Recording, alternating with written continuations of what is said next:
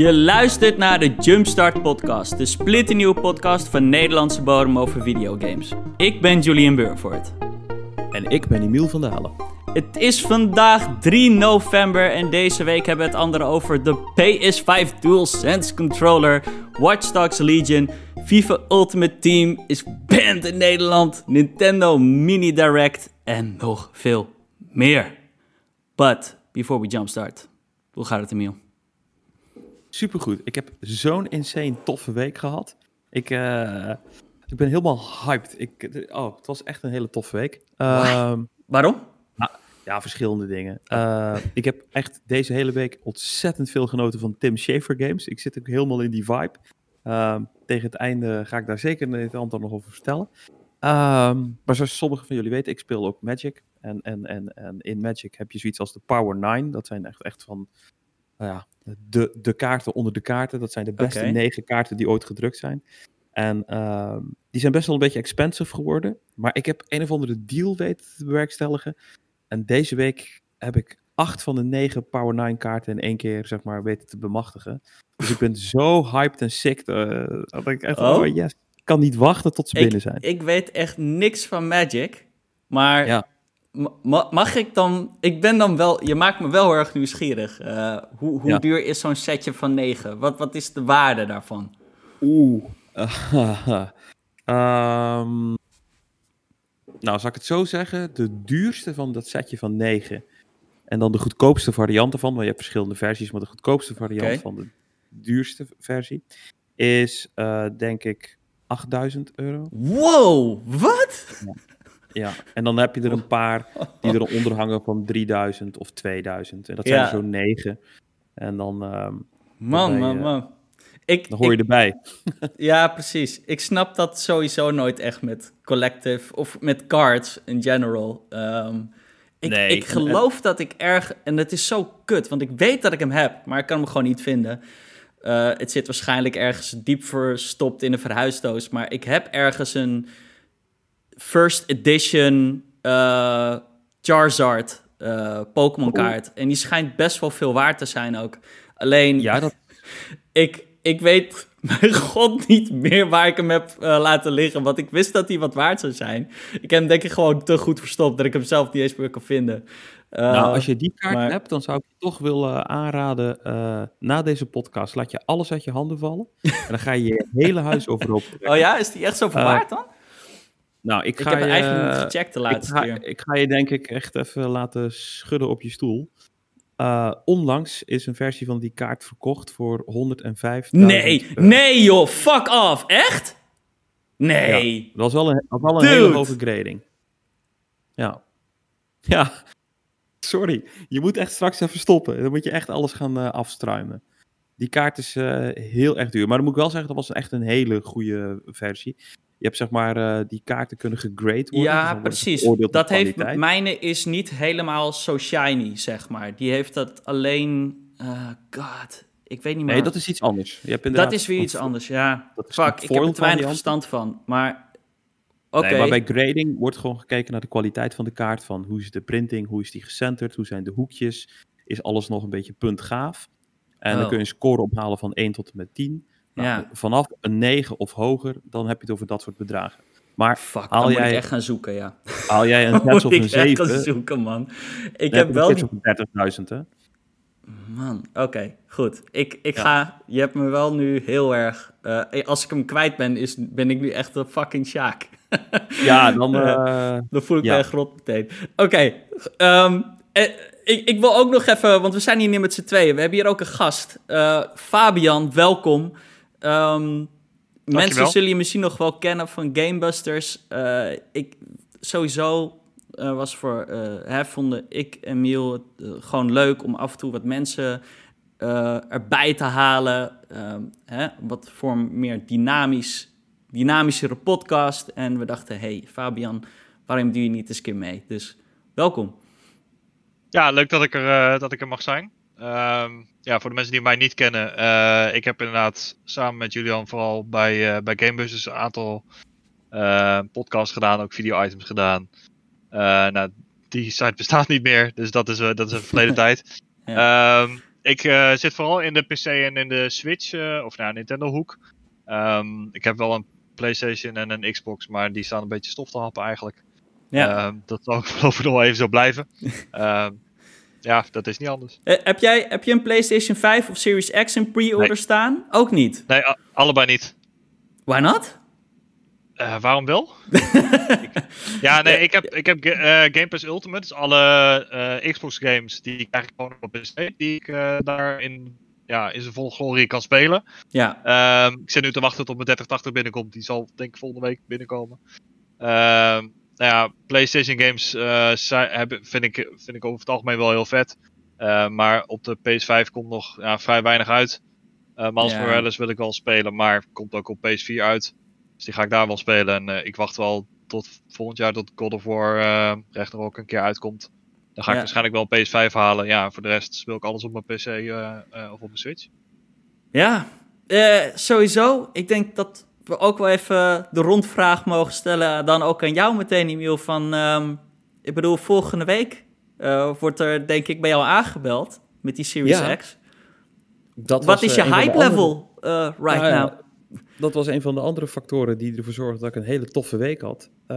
Bol.com is gewoon mailtjes gaan sturen zonder dat je een vraag hebt gesteld van... jongens, maak je geen zorgen bij, deze bevestigen wij. Hij komt eraan, ja. je hebt hem gegarandeerd. En toen dacht ik, oh, dit is zo fucking nice. In plaats van ja, in afwachten tot, tot die... Uh, ja, ze, ze, ja, lekker proactief. Gewoon een mailtje naar iedereen die hem in pre-order heeft. Maak je geen zorgen, hij komt eraan. En ze hadden op Twitter, uh, hadden ze hetzelfde gedaan, zag ik. Uh, maar daar werd er ook verwezen, volgens mij naar GameKings zelfs. Dat ze zeiden van, oh ja, we hebben in de comments bij GameKings zagen we dat er allemaal zorgen zijn. En ook in video's zagen we terugkomen, maar dat is helemaal oh, niet nodig. En, oh. Dus ik heb het idee dat er toch een soort van kleine shitstorm was met die, eh, op die helpdesk misschien. Even kort. Ja, dat we gedacht hebben, nou dan gaan we iedereen gewoon een mail sturen. Dus uh, nee, ik, ah, ik ben super hyped. Ik heb er echt heel veel zin in. Ik heb een dag vrijgenomen uiteindelijk. Ja. Dus uh, ja, ik ga gewoon de hele dag zitten wachten tot er aangebeld wordt. Ik, en wat, is, wat is de eerste game die je gaat checken als je hem uh, Dat is een goede vraag. Ja, ja uh, daar zit ik een beetje ik, over te twijfelen. Ik denk toch uh, dat ik eerst Gears 5 ga aanslingeren. Ik heb daar die, uh, die beelden van gezien naar aanleiding van die next-gen patch die die game gaat krijgen. Want die krijgt echt een dedicated patch. Ja. En dat ziet er zo sick uit. Het is bijna alsof je een andere game speelt. En dat is nog niet zozeer in de visuals. maar hij is 120 frames per seconde. En hij schijnt echt zo anders aan te voelen dan wat je gewend bent. Dat het bijna lijkt alsof je een ander soort game aan het spelen bent. En daar ben ik wel benieuwd naar, want Gears zeg maar in de regel best wel clunky en, en, en, en een beetje lomp aanvoelt ah, in de beweging. In de, singleplayer, uh, in de singleplayer ga je van 30 frames naar 60. En dan nog eens alle extra visual flair die je krijgt. Dus ja, dat ga je wel dus merken. Ik ben, er, heel benieuwd naar. Ik, ik moet ook... alleen, de, alleen de multiplayer gaat naar 120 frames? Ja. De multiplayer had een 120, ja. Maar die zal denk ik qua visuals wat minder spectaculair zijn. Ja, dat, dat zul je meer gaan zien hoor. Dat de toeters en bellen in de, in de single of in de multiplayer een beetje terug worden geschroefd. En dat daar de focus veel meer komt te liggen op uh, frames per seconde. Ja, uh, precies. Ja, ik. Uh, fuck. PlayStation, dat is het ding. Dus volgende week woensdag zat ik eigenlijk te denken, Emiel, om de podcast te doen in plaats van dinsdag. Zodat jij één dagje even je Series X uh, goed kan testen. En dat je dan met je bevindingen volgende week in de podcast kan komen. En dan is er verdenk, ik denk dan, ja, niet de week daarop helaas, maar dan is het pas over twee weken later. Want in Nederland komt de PlayStation 5 op de 19 uit. Dan kom ik wel met mijn hands-on impressions dan van de PlayStation 5. Want uh, ik, ik, die heb ik weer gepreorderd. Ook bij Bol, daar heb ik geen mail van gekregen. Maar goed, uh, die, die PlayStation is ook wat, hè, eh, een week later, ruim een week later. Dus misschien krijg ik die mail over een week. Um, dus uh, ja man, ik, ik weet niet wat het is, maar om de een of andere reden voel ik hem nog steeds niet. Het is... Nee? Nee, ik, ik denk dat het gewoon echt komt, is dat Um, de hele aanloop natuurlijk, dit hele jaar is raar geweest. Er is geen E3, er is geen... Eh, ik weet niet, er is gewoon niet, zeg maar, wat ik gewend ben aan soort van... Dit is de opbouw naar next gen en het is feest en... Oh ja, ik, ik nodig mijn vrienden uit en dan gaan we met z'n allen, weet je wel, um, geilen over de PlayStation of over de Xbox, weet je wel. Dat kan nu allemaal niet. Het is gewoon letterlijk, ja, hij komt hier op de deur, uh, op de deurmat en ik sluit hem aan en ik ga mijn eentje, ja, Miles Morales, uh, denk ik, spelen. Dat is de eerste game die ik op ga starten. Nou, eh, om daar even op in te haken, wat ik ontzettend charmant vind, is dat Xbox nu een soort day of play heeft geïnitieerd. dus op de launchdag kun je zeg maar vanaf volgens mij 10 uur s ochtends tot weet ik veel hoe laat in de nacht, uh, kun je dus uh, een soort stream gaan volgen. Waarin dus uh, de developers, mensen uit de industrie, mensen van Xbox zelf, eigenlijk non-stop gaan gamen met gamers. als een soort van celebration ten aanzien van games. Dus het is ook niet volgens mij alleen de first party titels, maar het is echt gewoon alles en iedereen komt langs in die stream. En het is echt een soort uh, nou, wat jij net ja. schetst, alleen dan eigenlijk op afstand uh, met mensen delen wat je ervaringen zijn. Ja, dat dus is ik vind dat wel leuk. Ja. Maar het is, het is niet uh, hetzelfde als inderdaad zo'n lunchparty thuis op de bank met vrienden. Dat nee, toch, uh... ja, en kijk, dat is ook het ding. Je mist bij Xbox gewoon Halo. Um, ja. Of gewoon die ene, die ene game. En bij PlayStation mis ik hem eigenlijk ook. Weet je, Spider-Man is vet don't get me wrong, Demon's Souls is voor de mensen die van die type games houden waarschijnlijk echt de shit. Maar het is, not, ja, dat is wel niche ook. Um, Dus ja, voor mij is PlayStation ook niet echt, uh, de launch ook niet echt dat ik denk van, ja, yeah, ik kan niet wachten tot ik hem kan hebben. Nou moet ik wel zeggen, ik ben wel heel erg nieuwsgierig naar die controller. Uh, want daar zien we steeds meer van en steeds meer impressions ook van uh, de media over de DualSense. En die zijn wel echt uh, ja, heel erg positief. Ja, nou ja, ik, ik, Ratchet Clank had wat mij betreft gewoon een hele goede launch game geweest. En het is ook jammer dat hij het, dat hij, het lijkt erop alsof hij het net niet gehaald heeft. En dus wel in de ja. launch window zit, maar niet op launch date. Ja. Uh, want dat was wel echt een titel geweest waar ik van dacht, nou, dat, dat had ik toffer gevonden dan bijvoorbeeld uh, Miles Morales. Ja, dat is denk ik ook weer een spaakding. Ik speel denk ik liever Miles Morales weer dan Ratchet Clank. Ja, maar goed, ja ik, bij Miles Morales heb ik nog altijd zo'n beetje dat, dat spaakje in mijn mond hangen van... Eigenlijk, het, was, het lijkt erop, dit was eigenlijk DLC voor de PS4... opgetrokken naar een full-fledged game, gelaunched ja. op de PS5. Maar eigenlijk is het nog steeds de engine van de PS4. Het is eigenlijk gewoon ja, het, hij is wel echt flink geüpdate. Ik bedoel, ze hebben zelfs characters helemaal replaced. ik bedoel, Peter Parker is zelfs helemaal vervangen. En, um, nou ja, goed. Weet je, ik ben heel erg benieuwd. Ik ga inderdaad ook eerst uh, Miles Morales spelen. En als ik daar nog zin heb, ga ik weer de main story uh, doen opnieuw. Uh, want ik vond dat wel echt een van de... Ik vind het misschien wel ja, het is sowieso mijn eh, top drie favoriete games van de PlayStation 4, voor mij persoonlijk. Maar je gaat nog een keer de base, uh, de base game spelen op PS5? Misschien wel. Ik, ik, ga het wel. ik ga wel de volledige game weer kopen, want... Uh, de Deluxe Edition dus. Hè? Huh? Ja, want ik heb... Oh. Uh, ik, dat is de enige game ook die ik dan fysiek had gekocht op de PlayStation 4. En die heb ik dus verkocht uh, twee weken terug uh, via Marktplaats met de PlayStation. Dus ik heb hem ook helemaal niet meer. Dus ik wil hem eigenlijk wel graag hebben. Um, dus ik koop hem wel gewoon opnieuw, joh. Nou, daar ben ik wel even benieuwd naar. Want dat is iets waar ik zelf mee worstel. Omdat jij het hebt over fysieke games. Mm -hmm. Wat gaan jullie komende generatie doen? Gaan jullie fysieke games kopen? Of gaan jullie digital games kopen?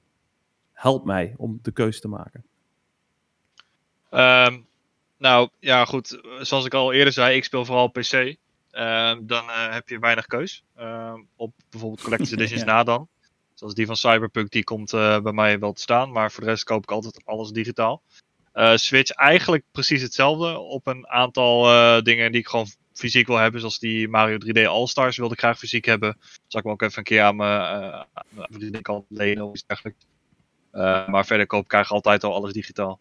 Kijk, eh, het, meeste, het argument wat ik het meeste hoor voor fysieke uh, kopieën zijn van ja, dan kan ik hem weer verkopen of uitlenen, whatever. Ja. Uh, maar dat doe ik bijna nooit. Uh, die, die, die discjes liggen bij mij toch te verstoffen. En ik ga ze echt niet naar de Game Mania brengen voor 5 euro. dan hou ik ze liever gewoon, gewoon thuis. Ja. En jij, Julian? Ik heb, ik heb deze gen al uh, de, de, de, last gen, zeg, mag, we zeggen al gewoon last gen, toch? uh, current gen. Ja, nou ja, current last gen uh, ben ik al volledig digitaal gegaan. letterlijk, Spider-Man was de enige exception samen met Guitar Hero Live. Want dat is de enige game waar je, ja, die je fysiek moet kopen met de gitaar. Dus voor de rest heb ik alles al digitaal en dat gaat zo door. Uh, ik, ik wil geen disc meer. Ik ben te lui om op te staan om een disc te verwisselen. Ja. Ik heb de PlayStation 5 Digital Edition gekocht. Um, dus ja, uh, volledig digitaal, man. Uh, ga voor die shit. Het mooie is ook, het, het, het ding is altijd, ja, je kan het wel weer doorverkopen. Maar weet je wat kutter is? Als, um, want dat soort verhalen komen ook niet vaak voor, maar het komt wel eens voor. Is dat, oh ja, er is mij, bij mij ingebroken en ze hebben alle games meegenomen. Als het digitaal is, um, Daar had ik nog geen It's yours. Je raakt het niet kwijt. Nou, maar, dat laatste wat je zegt, dat is dus voor mij juist een reden om een beetje te twijfelen. Uh, want, zoals jullie misschien weten, ik, ik ben heel erg van het retro gamen. Dus ik blijf ook oude games eigenlijk spelen. Um, en ik ben heel erg bang dat als ik ga terugvallen op een digital library, dat, mij, dat ik geen garantie heb dat ik die games die ik nu speel, dat ik die over 20 of 25 jaar nog kan spelen. Ja. Dat, is voor, dat blijft voor mij een beetje een dingetje. Ik vind dat, uh, ik, ik ben daar gewoon niet bang voor. Um, ik, ik, dan denk ik, dan zit je echt aan zo'n, ik weet niet, zo'n post-apocalyptisch uh, wereldidee. Uh, ik zie gewoon niet hoe dat gebeurt. Ik bedoel, ja, We zitten in 2020, hè? Alles kan. ja. True. Nou, uh, volgens mij hadden we het vorige week over gehad. Bij sommige games heb je natuurlijk dat licensing, uh, in-game licensing op een gegeven moment een issue gaat worden. Ja, hoe, hoe gaat dat straks met digitale games? Op het moment dat die licenses verlopen zijn, ja, is die game dan nog? Of, nou ja, je hebt wel eens, hè, ik noem maar even een game zoals PT. Um, ehm, ja, bijvoorbeeld. ja, dat, die, is, die kan je niet bekopen. Die is verdwenen. Um, ook als je hem dus ooit had, um, maar heb ja, uninstalled, uninstalled of whatever, kan je hem ook niet meer opnieuw installeren. Maar ja, dat zijn. Dat komt zo weinig voor, though. En dan is er vaak ook wel een soort van. Ja, ik kan het niet uitleggen, maar. PT was dan ook weer het verhaal. Ja, het was eigenlijk geen game, het was een demo. Ja. um, ah, ik vind het ook wel. wel um, Game Pass maakt die keus voor mij ook niet makkelijker omdat je zeg maar op het moment dat je Game Pass hebt en je kunt die games dus eigenlijk allemaal binnen die subscription spelen, waarom zou je ze dan überhaupt nog die fysiek gaan kopen?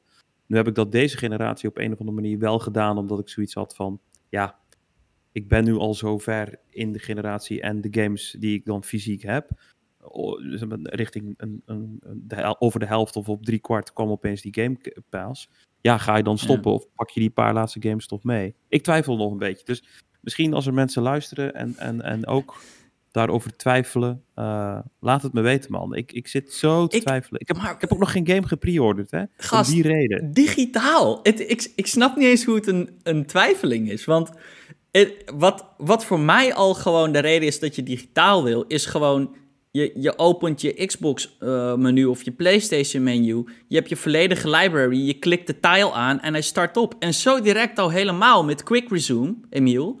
Ja. Quick Resume werkt niet als je oh, ja, physical discs gebruikt. Dat is wel een ding. Of je moet zelf heel erg quick kunnen resumen uh, in real life. Heel snel discs kunnen swappen. Dus ja. ook Quick Resume is eigenlijk, ja, dat is een digital-only feature. Ja, ik weet niet man. Misschien zit het gewoon in mijn hoofd dat ik daar... Uh, ik moet die stap denk ik wel maken. Je hebt ook wel gelijk. Alleen, weet je, dan zit ik in mijn mancave en dan zie je zo al die games om je heen staan. En dan, dan geeft zo'n lekker warm gevoel, weet je wel. Dan denk ik van, oh, dit is, ik voel me hier zo chill. En, ja, Anders koop je gewoon lege hoesjes. Ga je naar google.com, print je uh, de covers uit. Ja. Nee, ik ga goed er even over nadenken. Volgende week kom ik erop terug. Zullen we dan maar het nieuws in uh, duiken trouwens?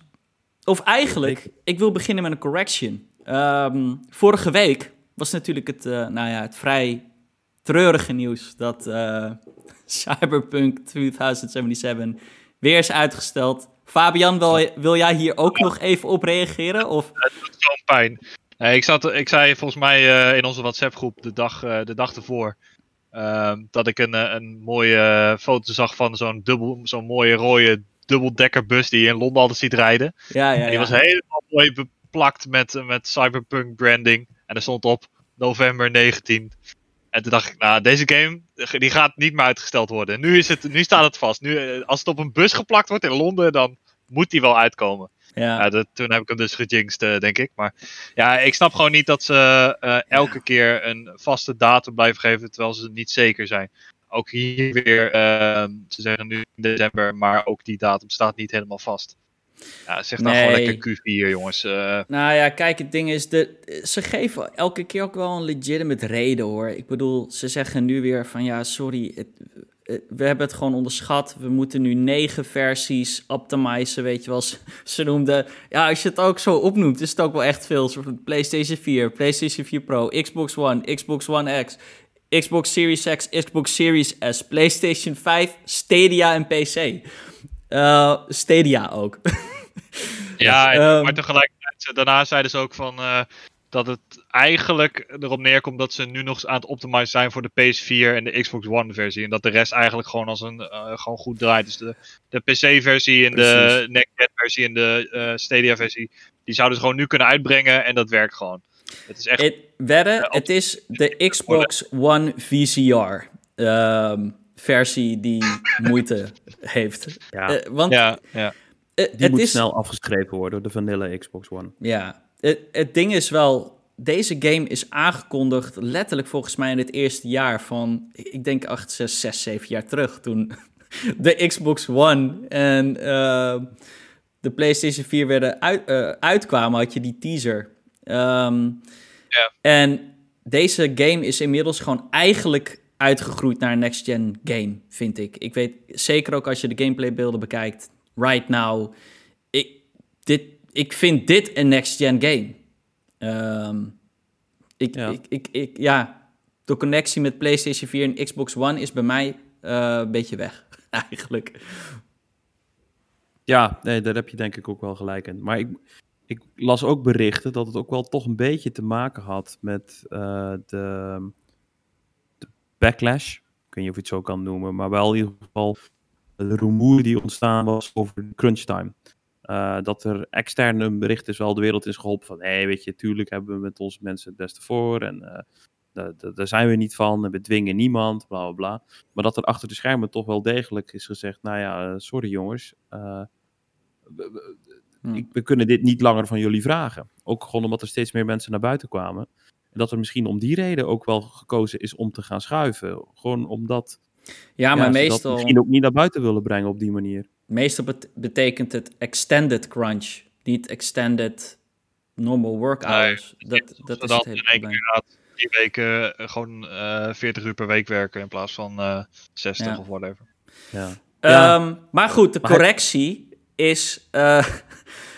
Want ja, dat was een fout van mij. Ik, ik maakte denk ik gewoon. Ik ging er gewoon maar van uit dat dan. Dat dat betekende dan ook dat de, de PlayStation 5 en Series X versie, dus eigenlijk de next gen console versie, dan klaar zou zijn voor release op 10 december. Maar dat is nog steeds niet echt helemaal duidelijk. Um, dus ja, um, daar nog geen bericht over. Het kan ook zomaar 2021 pas zijn, wat echt Jammer, ze zijn toch wel. Nou, dan ga ik hem niet eerder spelen. zou ik ook niet ik doen. nee. Ik ga echt niet uh, de, de Xbox One X versie gaan zitten spelen. Um, terwijl ik al een next-gen console in huis heb. Dat, dat, dat, dat, dat ga ik niet doen. Daar nee. pas ik voor. Dan moet ik wel geduld hebben. Een ander ding waar ik ook ineens aan moest denken, wat wel zuigt, is dat, goed, Cyberpunk is nu verhuisd naar 10 december. Een andere game die uitkomt op 10 december is de enige Xbox exclusive die er een beetje vet uitzag. Of uitziet. En dat is de Medium. Ja. Ehm, dus, Jesus Christ. Ja, dat gaat de Medium... Die wordt echt ondergesneeuwd nu. Uh, nou, die, die, zit natuurlijk... Eh, die zit in Game Pass. Uh, maar kijk, bij, bij, dit soort keuzes heb je natuurlijk altijd winnaars en verliezers. Want uh, bij de Medium balen ze misschien. Maar ik kan je garanderen dat bij Ubisoft de vlag uitging hoor. Dus de enige kans die Valhalla had. Ja, nou nee, Valhalla komt 10 november uit. Ja, dat was toch de oorspronkelijke datum ook van Cyberpunk? oh, zo. Voor hun is het een uh, opluchting, bedoel je? Ja. Ja, die, die denken nou, oh, dat, dat komt onze... Kijk, want ja. als je een next, game, game, next gen game wil gaan kopen, third party... Het ja. is Valhalla. Of ja, Watch Dogs. precies, dus bij Ubisoft denken ze, hey, een van de twee gaat het ook prima doen. Wanneer komt Call of Duty uit? Oeh, is uit? Uh, goeie vraag, uh, Fabian, dat weet ik niet. ik, ik, ook niet. Ik verwacht begin november, toch? Ik denk wel rond die tijd ook. Het zou, is dat... Um... Hij, hij, is in ieder geval niet uh, eh, 10 november, want ik heb alle releases direct die 10 november zijn. En Call of Duty zit er niet tussen, dus waarschijnlijk iets later, een week of twee. Ja. Nou ja, um, kijk, Call of Duty heeft altijd zijn publiek. Dat, dat, gaat niet veel uitmaken. Ja, ik zie hier 13, uh, 13 november staan. Oh, oké. Nou, dus toch wel. Dat is ook wel een, uh, een kanshebber, denk ik, voor veel mensen die een uh, next-gen console kopen. Ja, zeker. Goed. Ja. Gaan we nu echt het nieuws in? ja. Emiel, waar gaan we beginnen? Nou, we gaan beginnen met PlayStation. Uh, nog niet zo heel lang geleden waren wij alle twee heel verheugd over het feit dat er uh, custom plates uh, beschikbaar zouden komen voor de PlayStation 5. Uh, wij waren alle twee niet zo super fan van die uh, witte platen die er nu aan zitten. Uh, maar het, het, idee zeg maar, dat je dat kan gaan vervangen door custom plates met je eigen ontwerp erop, dat vonden wij heel erg vet. En dat was ook al een third-party bedrijfje die erin was gestapt. Um, alleen, die hadden ook al pre-orders en shit aangenomen. Alleen Sony heeft daar de duimschroeven een beetje aangedraaid. En die hebben toch gezegd, ja jongens, in het kader van uh, copyright sommeren wij jullie om de hele shit gewoon stil te gaan zetten. En ja. alle pre-orders die je hebt gedaan, gaan ze maar refunden, want jullie gaan deze shit niet uitbrengen. En ja. Ik vind dat ja. toch heel jammer. nou, kijk, volgens mij betekent dit gewoon, Sony gaat zelf van die platen maken, toch? Nou, dat denk ik dat denk ik niet, man. Ja, wat interesseert hun het nou wat een third party dat doet? Als, nou, als het... ja, maar denk even na. Het ding is, wat zo goed verkoopt, juist, en heel veel mensen, ik bedoel, ik ben er niet één van, maar toch een heleboel fans doen het wel. Die kopen gewoon een volledige nieuwe PlayStation 5 als, weet ik veel, het een Spider-Man skin heeft of de whatever skin. Oh. En als zij plates los gaan verkopen, ja, dan heb je nooit meer special editions van PlayStation 5. Uh, snap je? Dus ja. Ja, het is of, het, ja, of ze kunnen het allebei doen hoor. Dat, het, het zou ook wel allebei kunnen. Dat ze custom faceplates verkopen die dan, nou ja, misschien een beetje boringer zijn. Of gewoon kleuren. En dat ze dan nog wel bijvoorbeeld de echte speciale faceplates bewaren voor special edition versies van uh, consoles, zeg maar. maar. Maar die special editions versie van consoles, dat zijn normaal gezien toch gewoon niet de consoles waar geld op wordt verdiend moet je voorstellen hoe duur het is om je hele productieproces aan te gaan passen om 10.000 PlayStations met een Spider-Man skin te gaan. Ja, maar dat hoeft nu niet. Dat nee, voor hun is het maar. Dus, dus, ik denk ook dat ze ook best wel prima vinden. Ik weet niet of zij nog echt graag willen doorgaan met limited edition consoles. Dat kost zoveel geld. Ja, maar nu dus niet. Die, ze hebben die plates niet voor niets uh, ja, eh, zo gemaakt dat je ze er makkelijk af kan halen. Ja, uh, dus, het lijkt me inderdaad logisch dat, uh, dat eh, Sony ofwel het zelf gaat maken of daar een partner voor zoekt. Ja. Uh, kijk, dat, dat, dat PlayStation heette het geloof ik, hè? Ja. Dat bedrijf. Ja. Uh, kijk, die hebben gewoon geen afspraken gemaakt met Sony. En andere, andere fabrikanten moeten dat, moeten dat wel als zij hun merk gebruiken in hun marketing. Kijk, als je, als je de mediamarkt binnenloopt, uh, je gaat bij de hardware kijken op, op de game. En dan zie je overal op de packaging staat overal ja, geschikt voor PS4 en geschikt voor uh, Xbox One of wat dan ook. Daar moeten ze allemaal gewoon een X uh, bedrag voor betalen. Wat gewoon een licentiefee is, wat naar Sony gaat. Ja, de PlayStation heeft dat gewoon niet gedaan. En ook niet overlegd ja, dan kun je er donder op zeggen dat, uh, dat Sony daar een stokje voor gaat steken. Maar ik denk inderdaad dat, dat Sony het of gewoon zelf gaat doen of, uh, ja, okay. uh, of gaat uitbesteden. En controllers kunnen ze ook al een specialist van maken. Hè? Dat hebben ze in het verleden ook vaak zo gedaan. Ja, die dingen precies. zijn echt super populair geworden. Ik heb, ik heb vaak het idee dat custom controllers beter verkopen dan die special edition consoles. Ja, daar heb je ook altijd wat aan. Ja, maar, maar ook het prijsverschil, weet je wel. Ga je nog een keer 500 euro voor een console kopen die je al hebt staan, omdat die in een ander kleurtje is. Ja, voor 500 euro ga ik dat niet doen. Maar een controller die, die 70 euro kost, of 80, ja, ja. Dat, als je fan bent. Ja. Denk je dat ze misschien iets gaan doen zoals, ehm, eh, hoe heet dat bij Xbox? Die Design Lab. Dat is wel echt heel vet. Als je je eigen controller ook helemaal kan kleuren en zo. Want die Design Lab controllers, dat schijnt echt een, groot succes te zijn. Ik bedoel, Xbox verkoopt echt veel controllers. Nou, ik heb er voor, voor, beide, voor mijn beide dochters heb ik er ook een. Die hebben ze zelf mogen maken. Dus en ja, staat hun, hun, naam ook aan de achterkant op. Dus dat is best wel, die service is echt tof. En het is niet duurder dan normaal. Dus dat, dat vind ik echt wel heel veel. Alleen, ehm, ja, ik weet niet of Sony dat gaat doen. Het, het, is, het is een soort nice to have, maar ja, ja. ga je daar nou echt ik denk sowieso, die, die faceplates die zijn toch niet echt te stoppen. PlayStation, die ene site is dan nu stopgezet. Maar ik denk Je krijgt ze sowieso op AliExpress straks. Sowieso, AliExpress. En binnen de eerste week, uh, letterlijk de eerste dag dat de PlayStation 5 is, uit is, heeft iedereen, iemand al een 3D-render gemaakt van die plates. En kan je ze 3D printen zelf in huis als je dat zou willen. Uh, ik, ik denk, die custom plates komen er wel. Uh, ik maak me daar niet zo erg druk om, eigenlijk. Um, dat denk ik ook niet. Fabian, wat is er nog meer gebeurd? Uh, nou ja, er is niet, uh, er is niet heel veel gebeurd. maar er is uh, wel een nieuwtje over de, de PlayStation 5 controller, de DualSense, waar we het net al, al eventjes over hadden. Uh, dat ding heeft natuurlijk die haptic triggers. Dus de triggers die geven eigenlijk gas terug als jij aan het schieten bent of wat dan ook. Um, nou ja, dat is natuurlijk een leuk selling point voor de, voor de PlayStation 5. Um, Sony heeft daarbij uh, eigenlijk ook gezegd van ja, je hebt deze controller gewoon nodig om PlayStation 5 games te spelen. Een DualShock uh, 4, geloof ik, van de PS4. Ja. ja. DualShock 4 werkt dus niet op een PlayStation 5. Uh, eh, want je zou de haptic triggers nodig moeten hebben. Uh, maar nu is toch naar buiten gekomen dat uh, Sony zegt van ja, goed. in het kader van usability willen we toch dat je die haptic triggers ook uit kunt zetten. Voor het geval ja, dat je op de een of andere manier eh, ja, dat niet in kan drukken of dat je het gewoon niet, eh, niet wil hebben.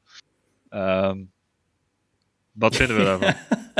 ah, het is, een, het is beetje een soort van tegenstrijdig um, Sony in gevecht met zichzelf, lijkt het wel.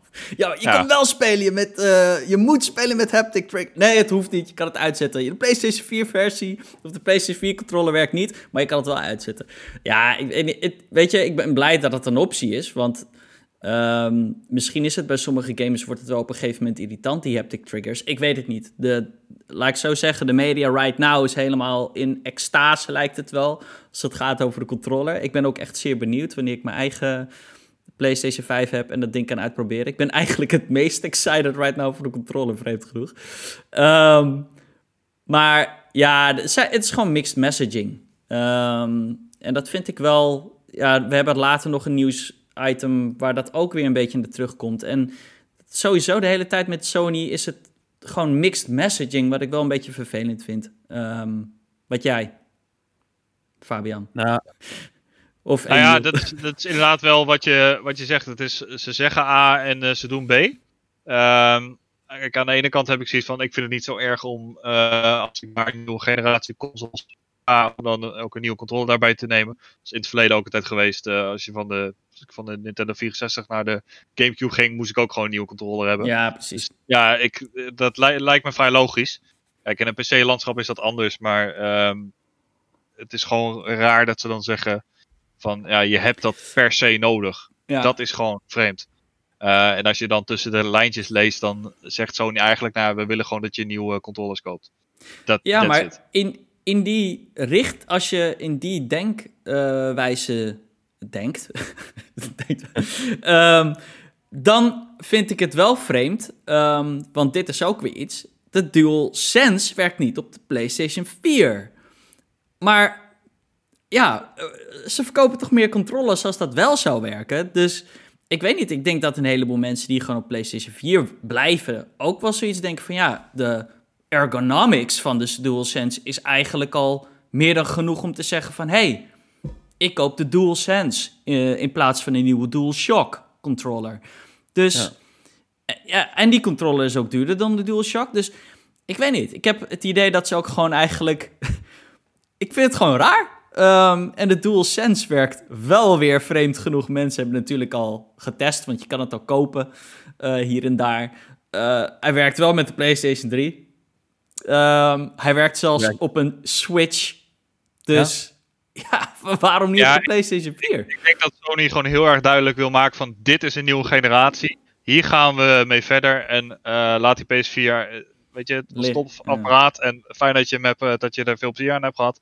Maar we gaan nu verder. Dit is de DualSense, hier moet je mee doen. En uh, ja, als je, een PS4, als je nog geen PS5 hebt, dan koop je geen DualSense. Dan koop je ja. gewoon DualShock 4. Maar, ja. maar, dat vind ik dus zo opmerkelijk uh, eraan. Um, ze hebben op, op, meerdere onderdelen wel een beetje ge, gebackpedald. Hè. Ze hebben ook gezegd uh, in eerste instantie van nee, nieuwe generatie, een harde cut-off. Alle games die wij vanaf nu gaan maken is alleen maar voor de PlayStation 5. We doen niet aan We Believe in Generations, heel dat verhaal. Vervolgens komen de games gewoon naar de PlayStation 4. Vervolgens komen de games gewoon naar de, naar de PC. Nu heb je dat dan met die controllers. Um, en wat ik niet begrijp is, zeg maar, alles wat ze nu uitbrengen is in principe alleen maar goed nieuws voor gamers. Weet je, ja. hoe mooi is het dat die games wel uitkomen op de PlayStation 4? Hoe fijn is het dat die controller wel uh, werkt op de PlayStation 5? Of tenminste, dat je in ieder geval die features kan uitzetten. Dus, maar dan denk ik van, er is een omslagpunt geweest bij Sony. Want in de original messaging was het echt het tegenovergestelde. Sterker nog, ze probeerden zelfs eigenlijk Microsoft een beetje zo te positioneren van... ja, maar ja, dat is, zij zijn die, die partij die de volgende generation gaat, tegen, of gaat, gaat remmen... want ze blijven de current gen maar ondersteunen in al hun hardware, software en wat dan ook. En toch is er iets gebeurd binnen Sony... waardoor Sony nu eigenlijk min of meer een beetje dezelfde keuzes maakt als die Microsoft al eerder hebben gemaakt.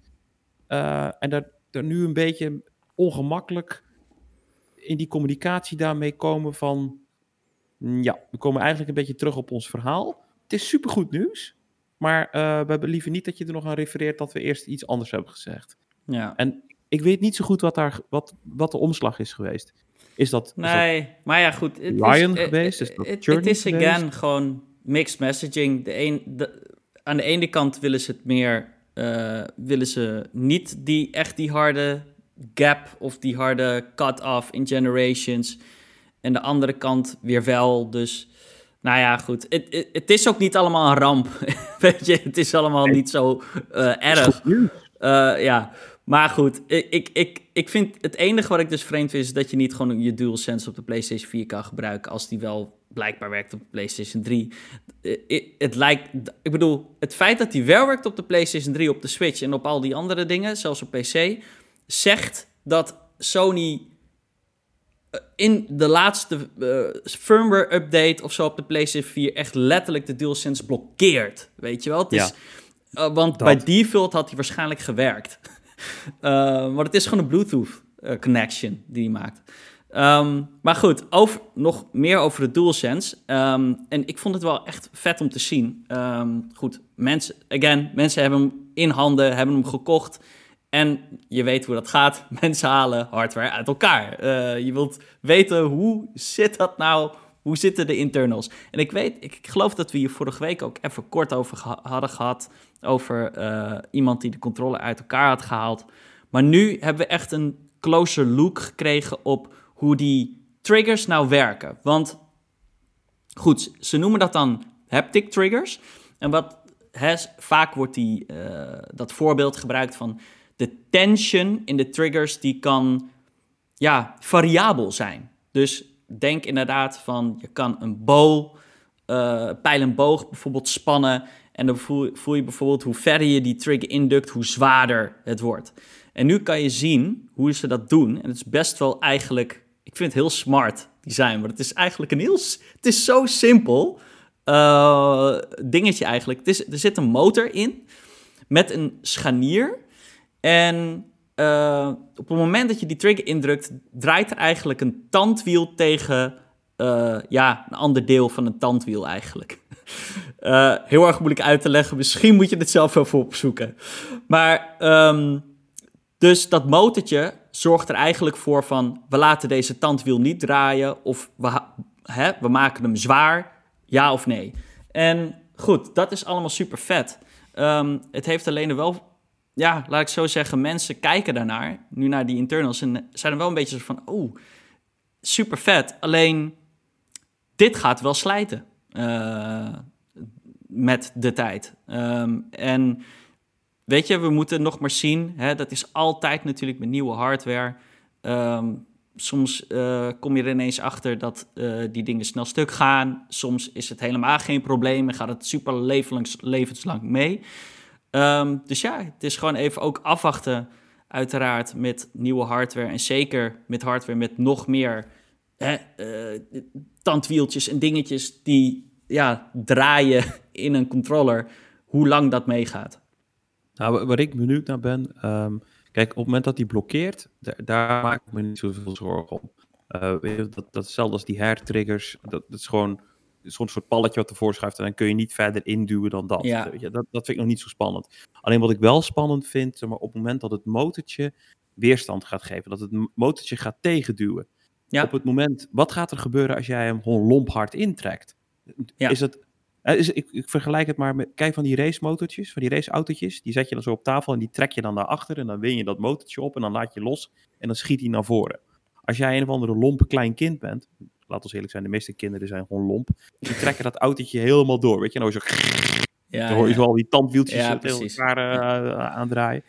Dat is mijn zorg een beetje met die triggers. Op het moment zeg maar, dat je daar een beetje lomp mee omgaat, kun je hem kapot duwen, kun je hem lam duwen, kun je hem zo hard duwen dat er op een gegeven moment speling ontstaat daar ben ik benieuwd naar. En ja, dat is inderdaad.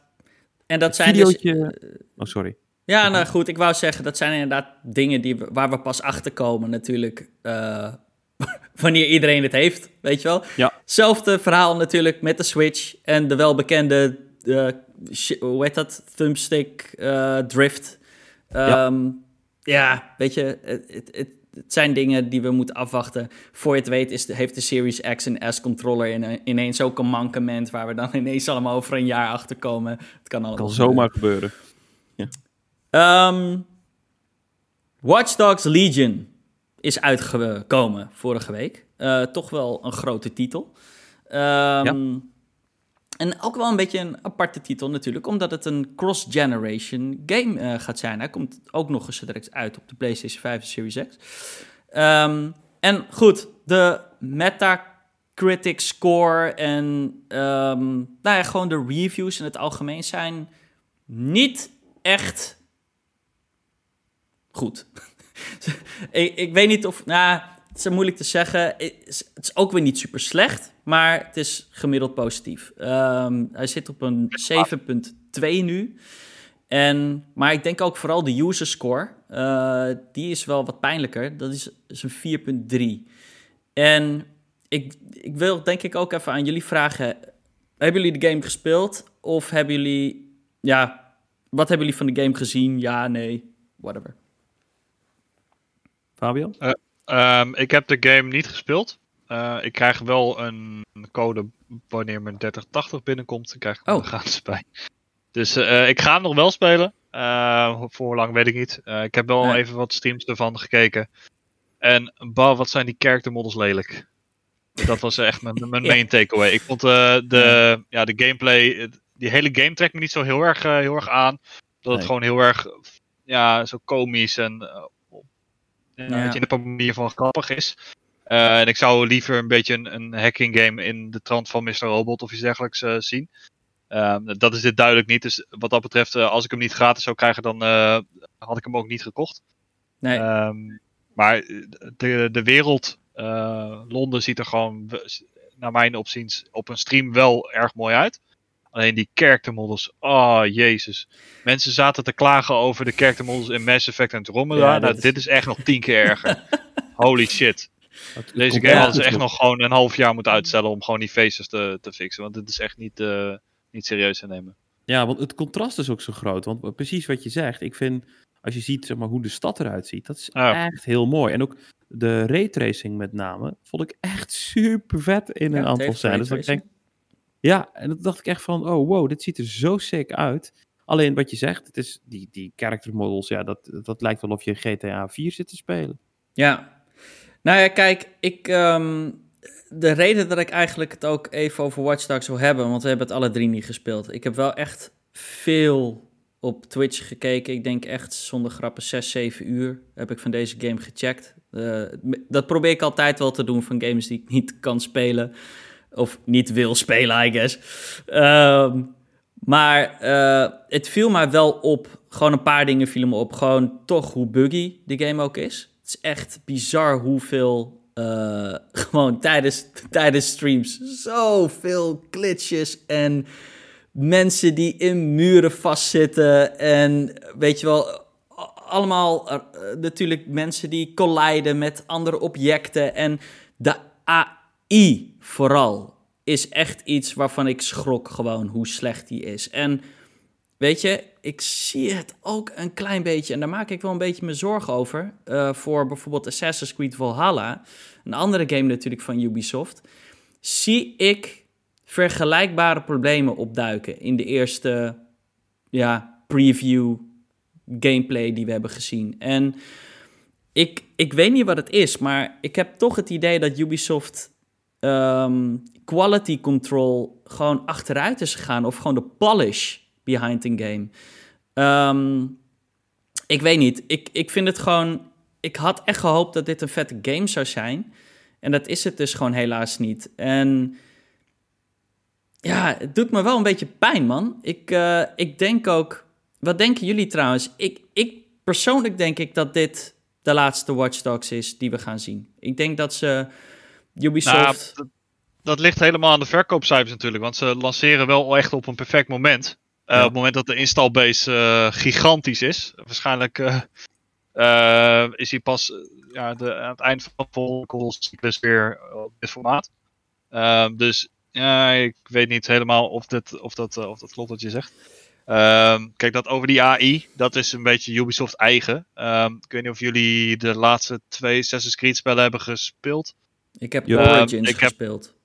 Heb, ja, ik heb toen ik mijn PC heb gebouwd, heb ik als eerste uh, Odyssey uh, voor een deel gespeeld. Ja. En daar, daar heb je hetzelfde probleem. Oh de, de, AI daar is zo dom dat je, ja, je kan van alles doen en je komt er zo makkelijk mee weg.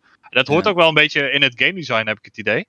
Ehm, dus ik vind het daarin ook niet storend. En bij Watch Dogs vind ik het toch iets anders dan bij Assassin's Creed.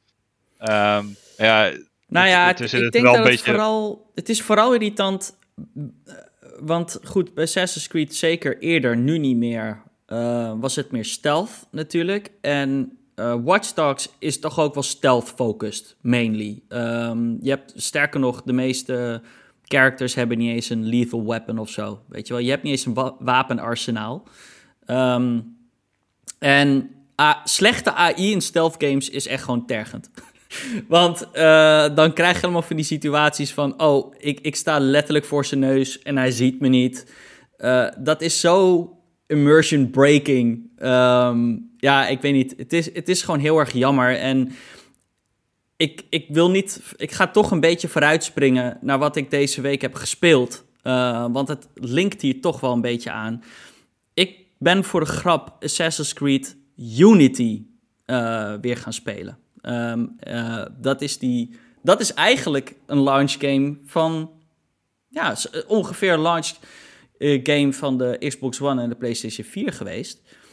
En werkelijk waar, goed, ik speel hem nu dan op de PC, max settings, alles op max.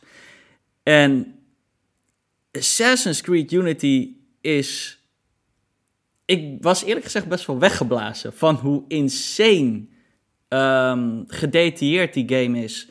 Hoeveel NPC's er wel niet rondlopen in Parijs. Ik heb het echt over. Gewoon, het, het is niet gek als er gewoon letterlijk 50 mensen ten alle tijden tegelijkertijd in beeld uh, zijn. Die straten zijn gevuld en het is, er gebeuren allemaal random dingen op straat. Mensen zijn uh, hebben marktjes, zijn dingen aan het verkopen. Er is iemand een hond aan het uitlaten. Er is iemand uh, weekvol uh, kleding aan het ophangen, aan een, een wasrek.